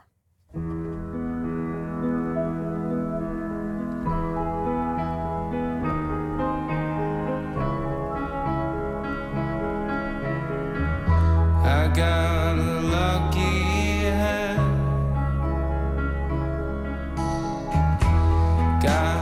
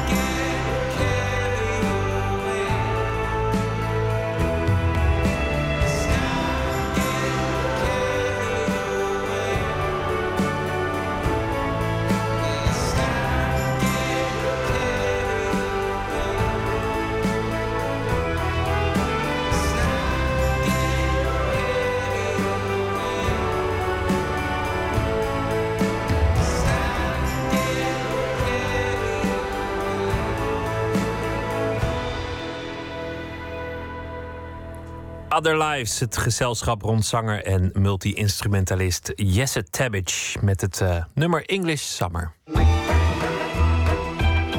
Nooit meer slapen. Kenny B. woont in Tilburg. Zijn echte naam is Kenneth Bron trouwens. Heeft elf nummer 1 hits in zijn geboorteland Suriname gehad. Zingt in het Engels, Aukaans en het Soranatongo. Sinds kort ook in het Nederlands. En dat heeft succes. Het nummer Parijs staat al een aantal weken bovenaan de hitlijsten. En een nieuw album is op komst. Verslaggever Nicole Terborg die sprak hem in Café Waterkant in Amsterdam. Geef mij eens je handen, kijk in mijn ogen. Ik zit vol van iets dat jij moet weten. Ik wil dat mensen blij zijn van mijn muziek, maar als ik maar één aspect daaruit zou moeten kiezen, dan wil ik graag mensen verbroederen. En het, het gaat erom dat we om de verkeerde reden te ver van elkaar staan. Ik vind dat de verschillen die we zien niet zo groot zijn. En geloof me, ik twijfel niet aan jou. In het Nederlands zingen uh, is net iets moeilijker. Je moet je voorstellen, je staat in een party, het is, het is bomvol. En dan zeg je bijvoorbeeld in het Engels... Is everybody happy? We're having a fine time. Let me hear say, Ira! In het Nederlands zou je zeggen... Ja, we bouwen samen een feestje hier en uh, voelen jullie goed? En, het, is, het, het komt niet echt over. Dus je moet er goed over nadenken. En als je hem hebt, dan heb je hem. En een ander ding, en daar geef ik de Nederlanders wel mee. Veel nummers die in Engels geschreven zijn, die they make sense in English. Ga je hem om, omzetten naar Nederlands, dan zie je van zo geweldig is de tekst ook weer niet. Blakale. En meisje nine. En siri boye. Donkerblauw uh, plafond. Een bar gemaakt van uh, lichtgrijze bakstenen. Ik zie dat je daar uh, borgo kan bestellen en uh, parbo bier. Want wij zijn in Café Waterkant. Geïnspireerd op uh, de gelijknamige straat in Suriname. Aan de Suriname-rivier. Wist je dat niet? Nee. nee. Ik zie parbo bier daar buiten. En ik zie Surinaams kokosijs. En je kijkt helemaal verbaasd. Ja. Als we de, de menukaart er ook bij pakken, eventjes. Kijk, wow. we slaan hem even open. En dan staat er ook, ja, Surinaamse puntjes. Wat staat er nog meer? Surinaamse puntjes. Ja, sweetie. Wauw. Dus je wist niet dat dit geïnspireerd was op de bekende straat in Paramaribo? Nee. Oh, wat? Nee, ik wist het niet. Maar ik vind het wel nice om te weten dat de waterkant helemaal 9000 kilometer verderop ook zijn, zijn, zijn weg vindt. voor de mensen die het niet kennen, wat is de waterkant? Ja, waterkant daar, daar, daar komen mensen bij elkaar. Daar, het is een, soort van ontmoetingsplek. Het is de drukste plek in Paramaribo. Als er s'avonds laat geen leven meer is aan de waterkant, dan is er echt geen leven meer in Suriname. Dan slaapt echt iedereen.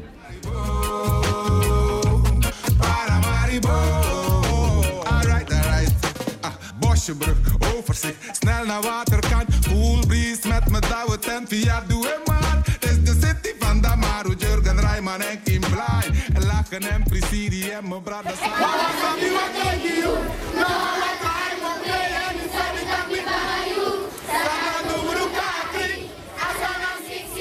Hier zien we jou in Suriname, omringd door uh, jongeren. Ja. Schooluniformen aan, lichtblauwe shirts hebben ze aan. Ja. En alle jongeren daar gillen en krijzen. En ze zingen je nummers mee uit volle borst. Dit is Suriname, hè? Ik ben een soort van furniture. Ik, ik hoor bij het land. Ik, ik, ik, ik, ben van hun. En, en, en ik gedraag me ook als zodanig. Mensen hebben al... Ze weten al, als we naar hem toe gaan, kunnen we met hem praten. We kunnen... Ja, dus... En ik, ik ben er eigenlijk ook al gewend. Ik weet, als ik naar de stad ga en ik ik, moet, uh, ik heb een uur nodig, dan, dan, dan trek ik een extra uur uit voor de mensen. Je hebt uh, elf nummer 1 hits in Suriname gehad. Als je daar op straat loopt, herkent iedereen je. Als je het succes moet vergelijken, hè, Suriname met Nederland, is er een verschil? Het verschil is dat ik hier in Nederland geld kan verdienen met mijn muziek. Het verschil is dat, dat, dat hier, hier heb je Buma Stemra, alles wat gedraaid wordt, alles wat, je krijgt er geld voor. En in Suriname, want nu, nu, nu is er een grote gap tussen mij bijvoorbeeld en een Surinaamse artiest. Het verschil is het er min dat ik hier wel de mogelijkheden heb om, om betere muziek te maken, betere studio's, beter. Alles is veel beter. Dus het is niet dat ik zoveel beter ben, dan dat de omstandigheden hier om muziek te maken veel beter zijn.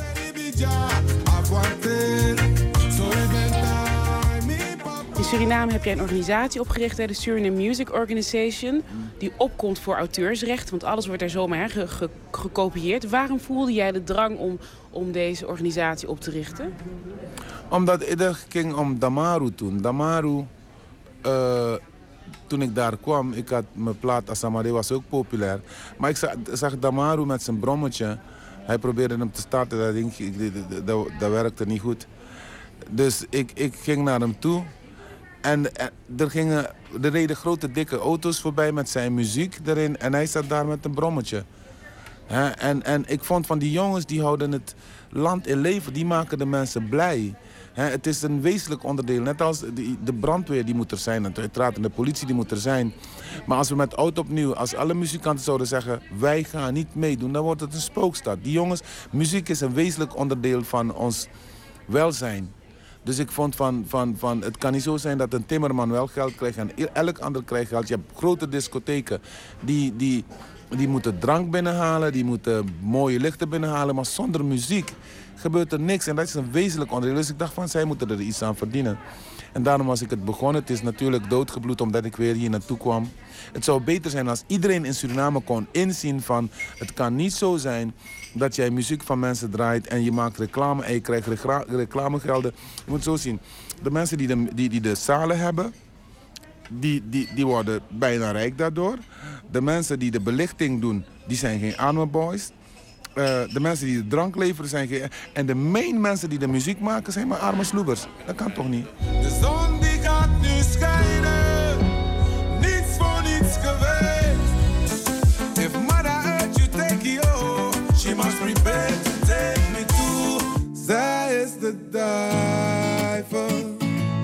Maar dat kan je zo niet zien. En iedereen geeft haar een tien. Zij op het album zing je in het Nederlands, Salang Tongo. Uh, ik hoor reggae, soek, Nederlandse pop. Ik krijg vooral een alles komt uh, goed gevoel. Behalve nummers als uh, Zij is de duivel. Maar wat, wat wil je met deze plaat? Het is een aftastplaat. Zo van, wat vinden mensen leuk?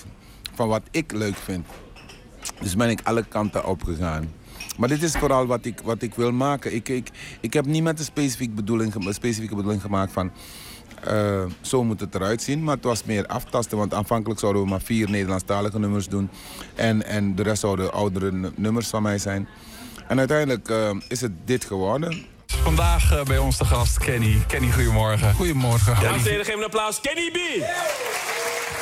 Je bent nu 53. Was het anders geweest als je dit succes had ervaren als jij een twintiger was geweest? Absoluut, want dan weet je te weinig toch. Dan weet je te weinig van de wereld. Dan zou je het aan jezelf toeschrijven. Dan zou je denken dat je meer bent. Dan zou je denken dat je genius bent of zo. Nu weet ik dat ik op het juiste moment iets heb gedaan. Niet eens zo met militaire precisie. Maar gewoon van oké, ik doe het nu. Maar toevallig was, was er geen, geen uh, van Michael Jackson. Want dan had hij zo mijn pokoe tot nummers zoveel gemaakt. Uh, het zijn omstandigheden. Het zijn zoveel dingen die ertoe hebben geleid dat deze, deze plaat van mij Parijs. Ik vind niet dat ik er zoveel meer voor heb gedaan dan mijn andere platen. Alleen het is beter gevallen. En ik zei,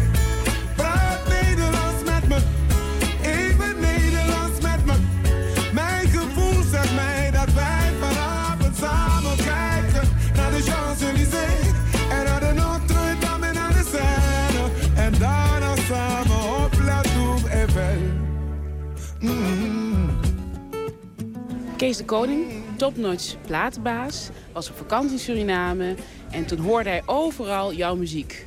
En toen dacht hij van, met deze man moet ik wat doen.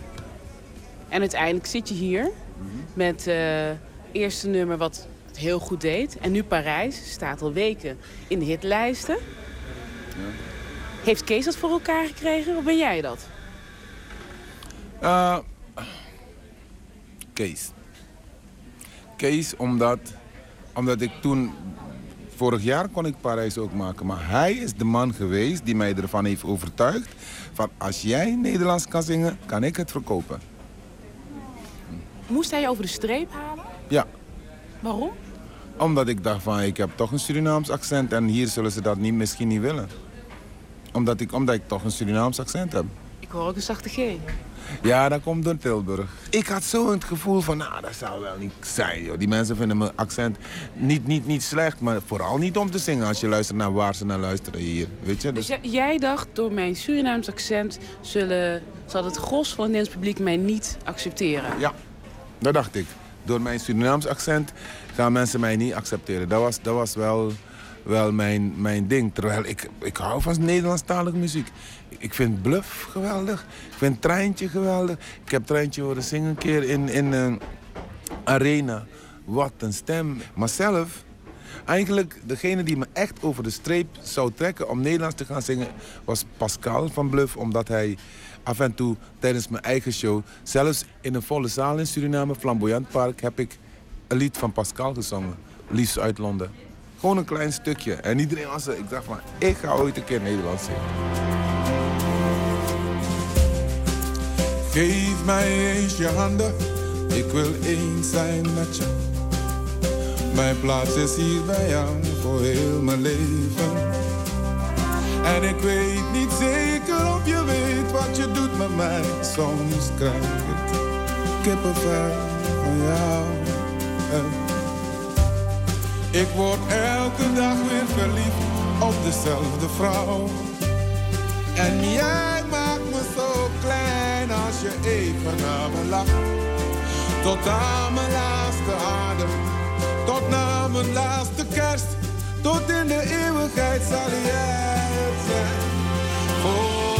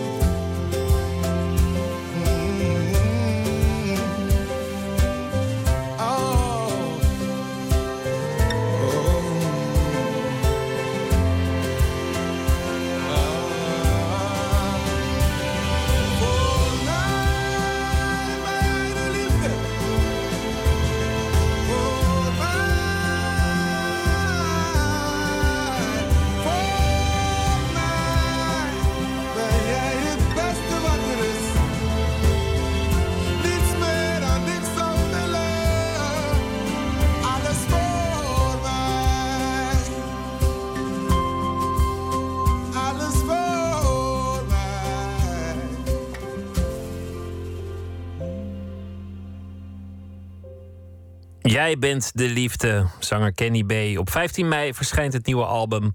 En eh, dat heet gewoon eh, Kenny B, het album. Een bijdrage van Nicole Terborg. 73 jaar, maar ze kan, inmiddels, eh, nou ja, ze kan inmiddels terugkijken op een lange loopbaan. Samengewerkt met Stevie Wonder, Ike en Tina Turner, Sam Cooke, de grote van de wereld. We gaan luisteren naar haar eerste single, die ze schreef toen ze pas 17 jaar was. Barbara Lynn met You'll Lose a Good Thing.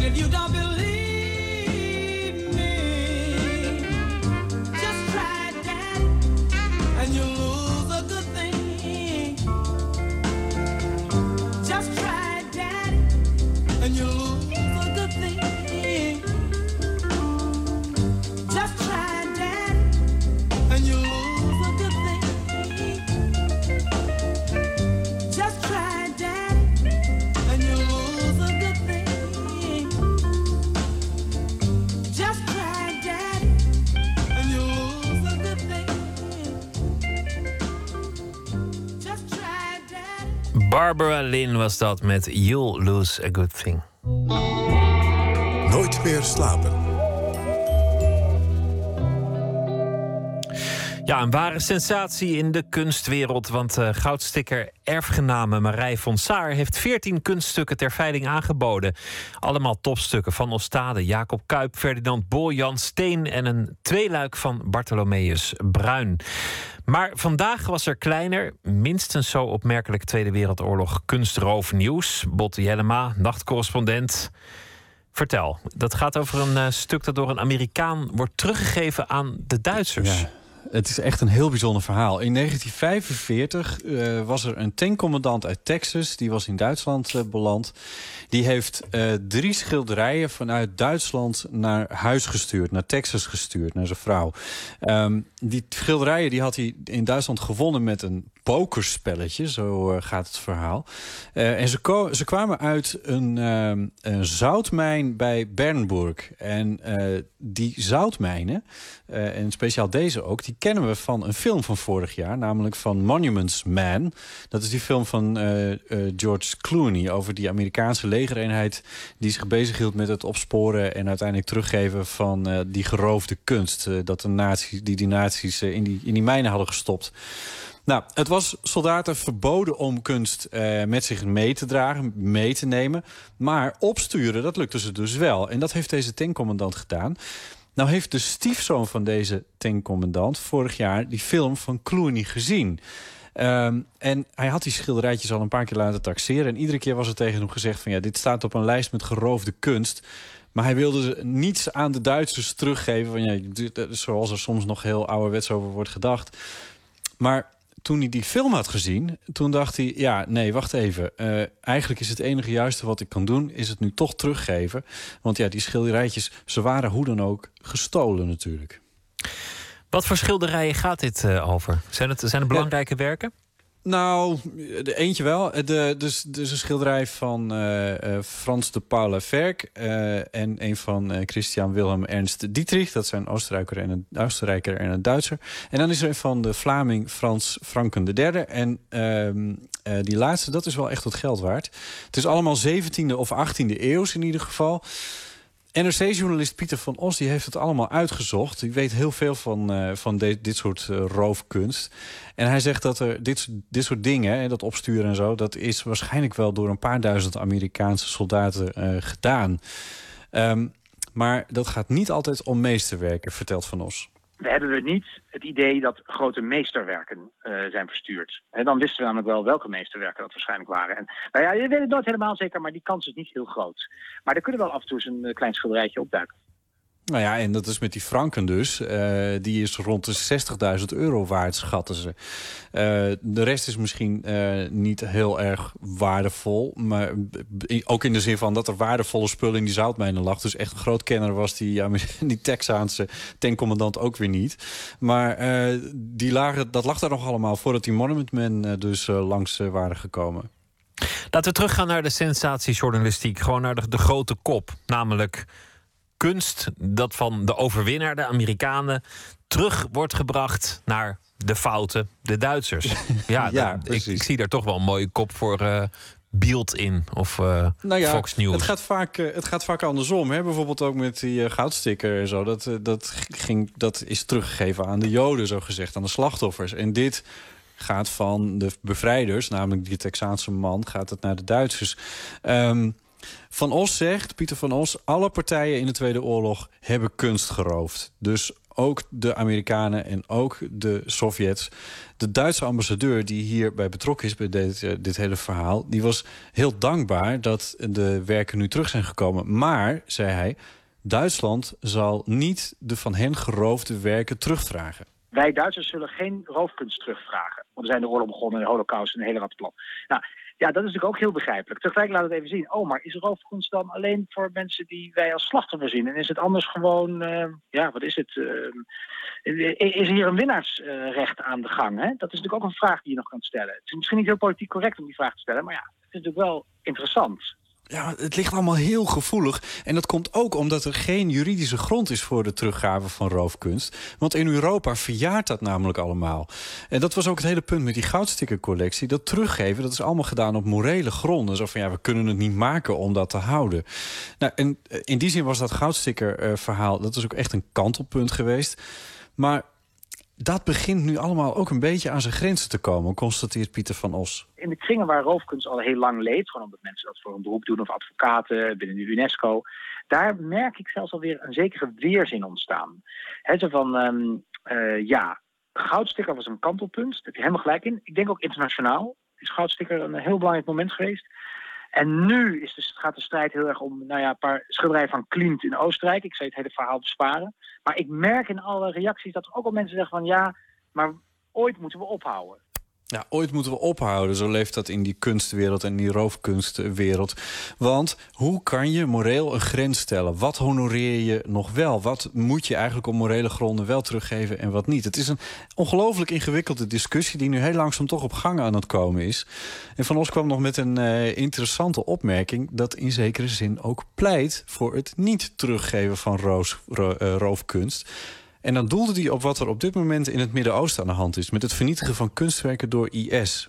dat schilderijen verspreid raken over de wereld, of kunst, is ergens ook wel weer aantrekkelijk. Eh, het legitimeert de roof niet, maar het is wel prettig dat niet alles teruggaat naar het land waar het vandaan kwam. Gewoon uit risicospreiding. Ja, risicospreiding. Ja, want dan eh, als het ergens misgaat in de wereld, wordt niet alle kunst eh, vernield.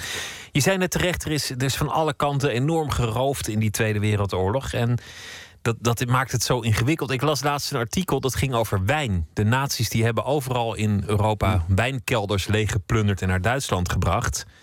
En sommige flessen, die zijn echt hele dure flessen, duizenden euro's waard, die zijn gewoon opgesopen.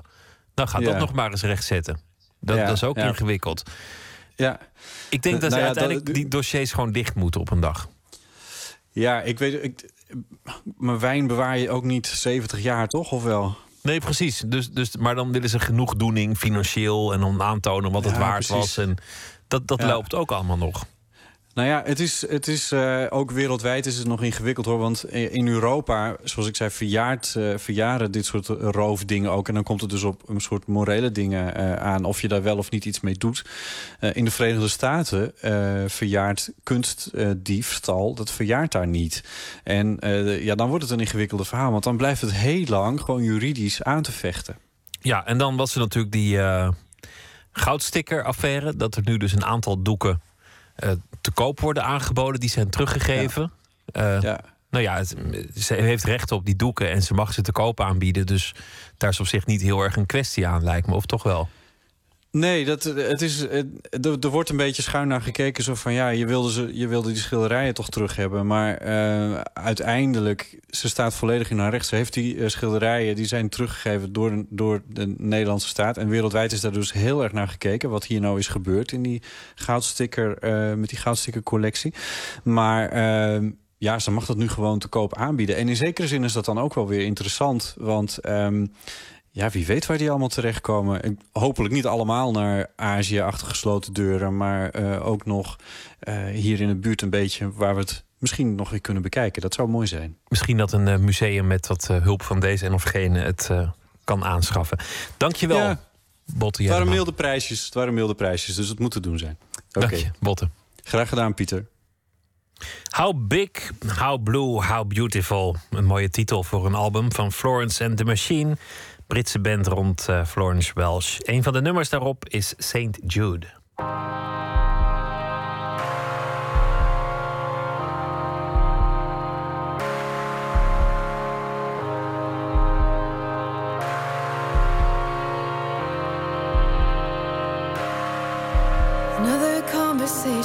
With no destination, another battle never won. Each side is a loser, so who cares who fired the gun? And I'm learning, so I'm leaving, and even though I'm grieving, I'm trying to find the meaning. Let loss reveal it. Let loss reveal it.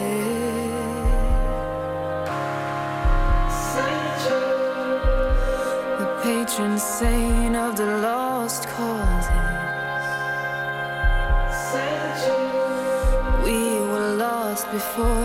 star.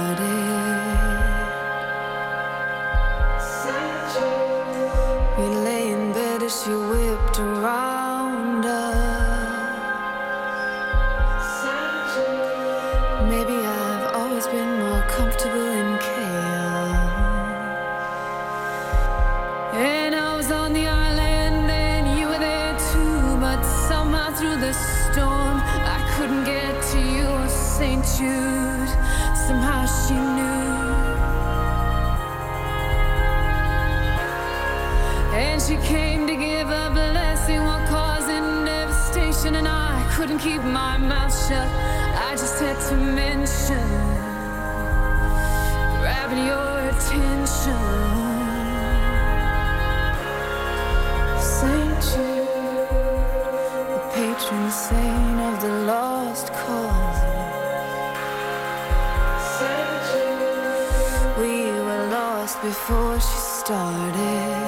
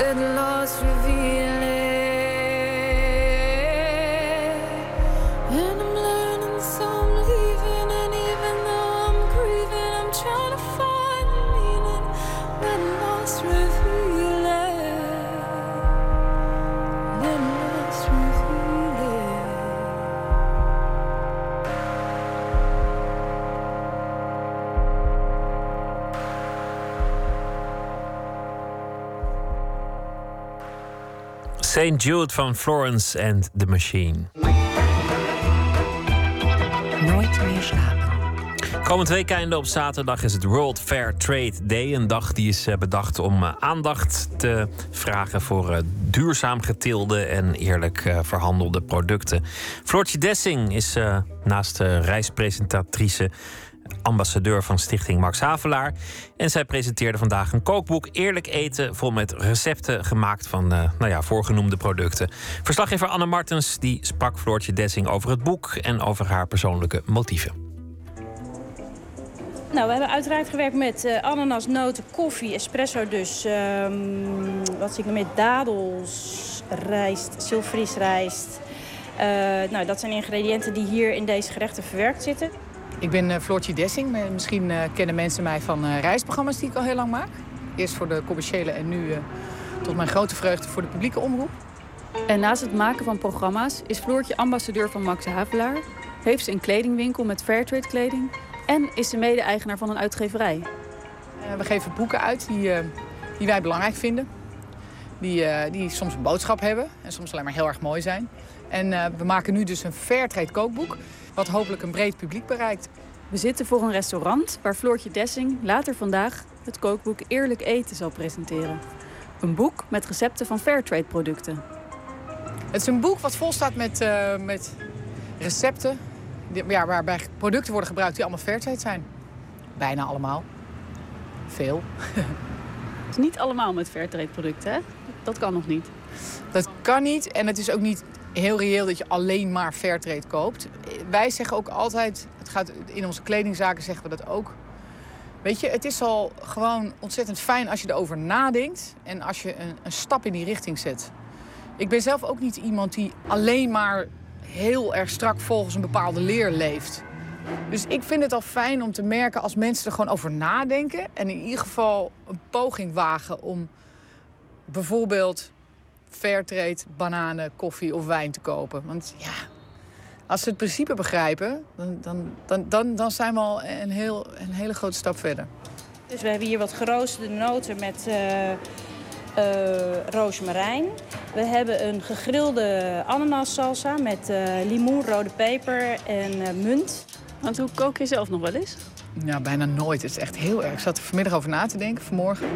Ik denk dat ik een week of vijf geleden voor het laatst zelf gekookt heb. Maar ik ben alleen maar op reis. En als ik niet op reis ben, dan ben ik hier in Nederland super druk. Omdat ik zelf ook monteer en zo. Dus ik heb gisteravond bijvoorbeeld weer tot half elf zitten monteren. Nou ja, dan uh, eet je snel even wat, uh, wat boterhammen. Waar let je dan op als jij boodschappen doet of als je wel kookt? Ja, ik ben sowieso wel iemand die bewust eet. Omdat ik dat belangrijk vind. Het is voor mijn gezondheid. Ik moet echt sterk blijven. Ik ben twee keer echt lang uit de relatie geweest wegens uh, ziekte. Dus ik let daar echt heel erg op. Um, en ik heb ook nog eens het geluk dat ik heel erg van gezonde dingen hou. Dus ik grijp automatisch uh, al naar uh, de groenten en het fruit en de nootjes en dat soort aanverwante zaken. Het is wel, als ik in de, in, de, in, een, in de supermarkt loop, probeer ik wel altijd een beetje bewust te winkelen. Zonder daar ook weer door te schieten hoor. Maar als ik de keuze heb tussen ja, gewoon van, van, bananen van een groot concern of Fairtrade bananen, koop ik gewoon standaard Fairtrade. En er is altijd een discussie hè, van, ja, maar het is te duur en je kan niet betalen. Nou, wij geloven, ik geloof dat wij als consument per jaar, wat is het? 55 kilo eten weggooien, zoiets. Ik moet even de, de, de cijfers wat scherper hebben staan, maar we gooien ongelooflijk veel eten weg per jaar. Dus als je uh, gewoon wat slimmer inkoopt, dan uh, gooi je ook minder weg. En dan is het net zo duur. Ik geloof zelf enorm in dat hele principe van fairtrade. Dus wat er eigenlijk in het kort op neerkomt... dat je uh, boeren en, uh, en, en uh, fabrikanten en mensen die kleding maken... niet uitwoont, die in de derde wereld dus aan het werk zijn. Maar dat je ze een eerlijke prijs geeft. Ehm, omdat je dat eigenlijk voor jezelf en voor je eigen kinderen ook zou willen. Want dat vind ik altijd best wel lastig zelf. Want dan... Het ene product is dan fair trade, maar dat is dan weer niet biologisch. Een ander product is weer biologisch, maar dat is dan weer niet fair trade. Hoe moet je daar nou mee omgaan? Ja, dat klopt. Nou, dat, ik zeg altijd maar, het mooie is dat je zelf kan kiezen. Ja, het is een productioneel gezien een hele tour de force om alles bijvoorbeeld uh, fair trade te krijgen of alles biologisch te krijgen. Als het fair trade is, dat moet gewoon uh, goed georganiseerd worden. Daar moet een keurmerk aan komen te hangen. Daar moet je aan allerlei voorwaarden voldoen. Uh, dus als, uh, als kleine, minuscule boer in een, in een derde wereldland heeft dat nogal wat om handen. Het kan wel, maar het, het, kost gewoon tijd en energie. Heb je ook een voorbeeld van een verhaal dat je ergens geweest bent op een boerderij en een aantal jaar later nog een keer en dat er een soort van omslag is geweest tussen niet fair trade en wel fair trade? Um, ik heb een aantal boerderijen en projecten bezocht en die waren al fair trade aan het produceren. Maar ik heb bijvoorbeeld wel een mango-plantage in uh, Burkina Faso bezocht... waar ze zeg maar, op reguliere wijze produceren. Dus met bestrijdingsmiddelen en ja, niet al te gek veel uh, uh, extra's voor de werknemers. Maar daarnaast hebben we ook een mango-kwekerij volgens Fairtrade-principes bezocht. En dat is mooi om te zien, het verschil En het zit hem soms in kleine dingen hoor. Hè, dat Wat dan? Nou, heel stom. Maar er staat er bijvoorbeeld een toiletje op het, eh, op het terrein. Zodat ze niet meer hun behoefte ergens eh, in een, eh, achteraf in een hoekje hoeven doen. En dat is veel hygiënischer en schoner. Of bijvoorbeeld eh, geen bestrijdingsmiddelen gebruiken, maar speciale planten neerzetten bij theeplantages. Waardoor insecten ook wegblijven, omdat die een hekel aan die plant hebben. Het zijn allemaal hele, vind ik, kleine, maar ja, inventieve en belangrijke veranderingen op de werkvloer. In het boek staan ook persoonlijke verhalen van boeren die Fairtrade producten verbouwen. Ze krijgen een ontwikkelingspremie die ze bijvoorbeeld besteden aan een school voor hun kinderen, aan warme jassen of thermosflessen. Nou, ze zitten vaak in een coöperatie. En in die coöperatie komt er dan zeg maar de opbrengst van bijvoorbeeld de koffieplantage binnen. Met daarop die premie die ze krijgen omdat ze Fairtrade verbouwen. En dan kunnen ze dus samen stemmen wat ze voor dat geld gaan doen. Dus ik ben bijvoorbeeld bij een bananenplantage geweest in eh, Peru. En daar hadden ze een klein tandartspraktijkje, omdat ze allemaal al last hadden van hun gebitten. Dus eh tandartspraktijkje met een stoeltje en eh, iemand die af en toe hun gebit kwam verzorgen. Ja, dat was hun keuze. En anderen hadden weer, eh, ik geloof iets van, eh, iets voor in een huis. Ik weet niet meer, ik geloof potten en pannen en zo. eh, Fornuizen, dat soort dingen. Het is aan de keuze van de arbeider zelf. Ik heb een chocoladetaart met daarin banaan en ananas. Daar heb ik nu feestelijk met wat violen en kokos. Uiteraard ook Fairtrade. Hoe ben jij eigenlijk zelf daar ooit bij terechtgekomen? Bij het gevoel dat je goed moet kiezen voor de wereld? Ja, ik denk toch dat het bij mij iets is wat ik van huis uit heb meegekregen. Ik kom uit een redelijk groen nest, maar niet te. Dat vind ik altijd zo fijn bij mijn ouders.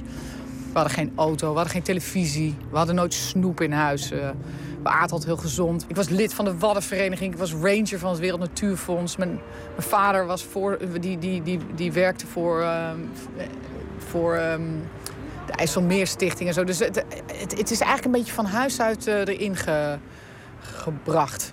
Zeiden je ouders ook altijd bepaalde dingen dan over voedsel? Nou, mijn, mijn ouders waren vooral ook van het eh, sociale. Wij, eh, ik heb twee zussen en een broer. En bij ons was dat heel, bijvoorbeeld heel iets anders hoor, maar heel belangrijk dat er geen ruzie werd gemaakt. Bij ons was vroeger was altijd de gouden slogan: kinderen wees lief voor elkaar. Altijd.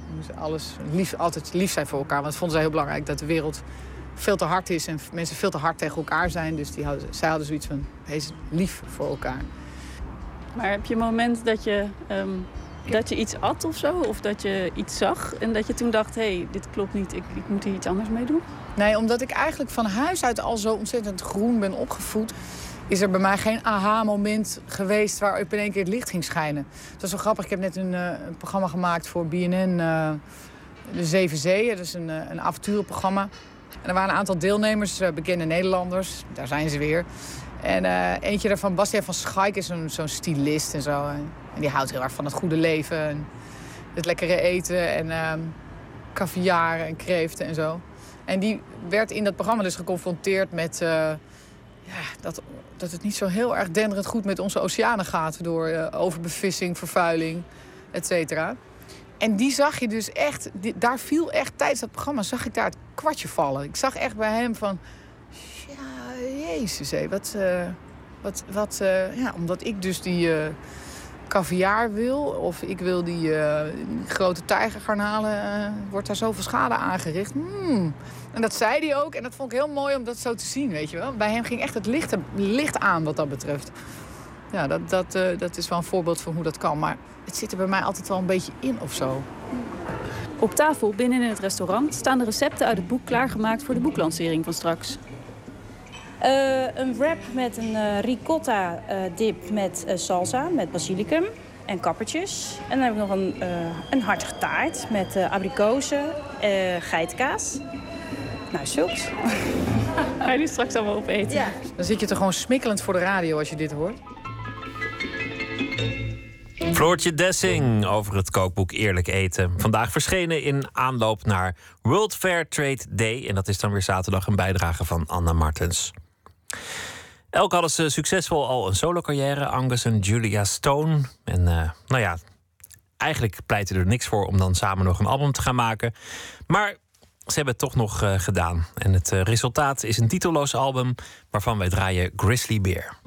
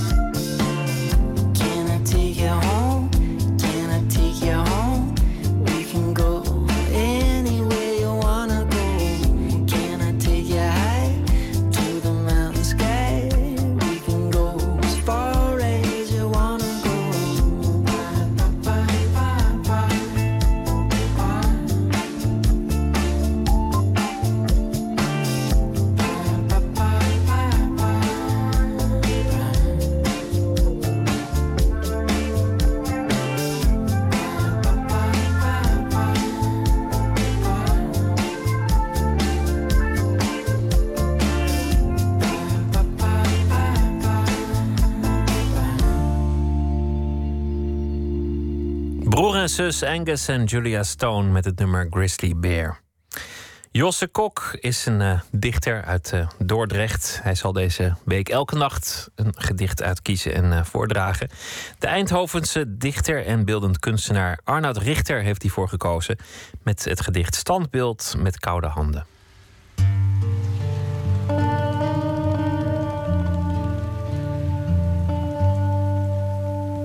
Eh, het gedicht voor vanavond is van Arnoud Richter, een dichter uit Eindhoven, ook stadsdichter geweest daar.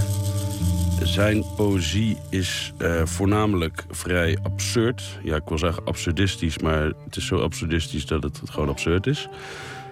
En het is een soort mengeling van heel erg veel biologische termen en eh, ja, een soort van architectonisch geweld. Want hij heeft architectuur gestudeerd. En dat kun je wel teruglezen, maar eigenlijk eh, lijkt, lijkt hij in zijn poëzie te willen vluchten voor, eh, voor het technocratische en, en het omarmen van het eh, lichamelijke of zo. Dat is de mooiste omschrijving die je kan geven, denk ik. Het is in ieder geval. ik lees nog een gedicht voor dat het het meest begrijpelijk is, denk ik, van heel zijn bundel. Dit is hem. Standbeeld met koude handen. Hij liet zich baren op vaderland afstand van zijn huis. Vaderkracht houdt hem op zijn plek. Zijn biologische dader is zijn tweede huid, waaruit hij gluurt. Zichzelf heeft hij strak rond zijn middenrif gewikkeld. Je kunt beter niet knielen in zo'n geval. Zijn bewegingen worden sowieso belemmerd door een verlammend besef. Een walvisembryo moest eens weten wat hem te wachten staat. Zelfs in zijn dromen stroomt hij niet. S'nachts wordt hij begroet door een bevroren terracotta spermaleger, strak in het gelid. Dat laat hij als vrouwen in de kou staan, want in geval van doorstroming wordt zijn kind zijn kloe. Arnoud Richters gedicht Standbeeld met koude handen, gelezen door uh, Josse Kok. Morgen in Nooit meer slapen komt uh, Stefan Enter langs, uh, schrijver. en hij gaat het hebben over zijn vierde roman Compassie. Esther Naomi Perkin die presenteert dan. Ik wens u een hele goede nacht. Straks de nachtzuster Astrid Jongs is er al. En ik hoop dat u morgen weer luistert. Goeienacht.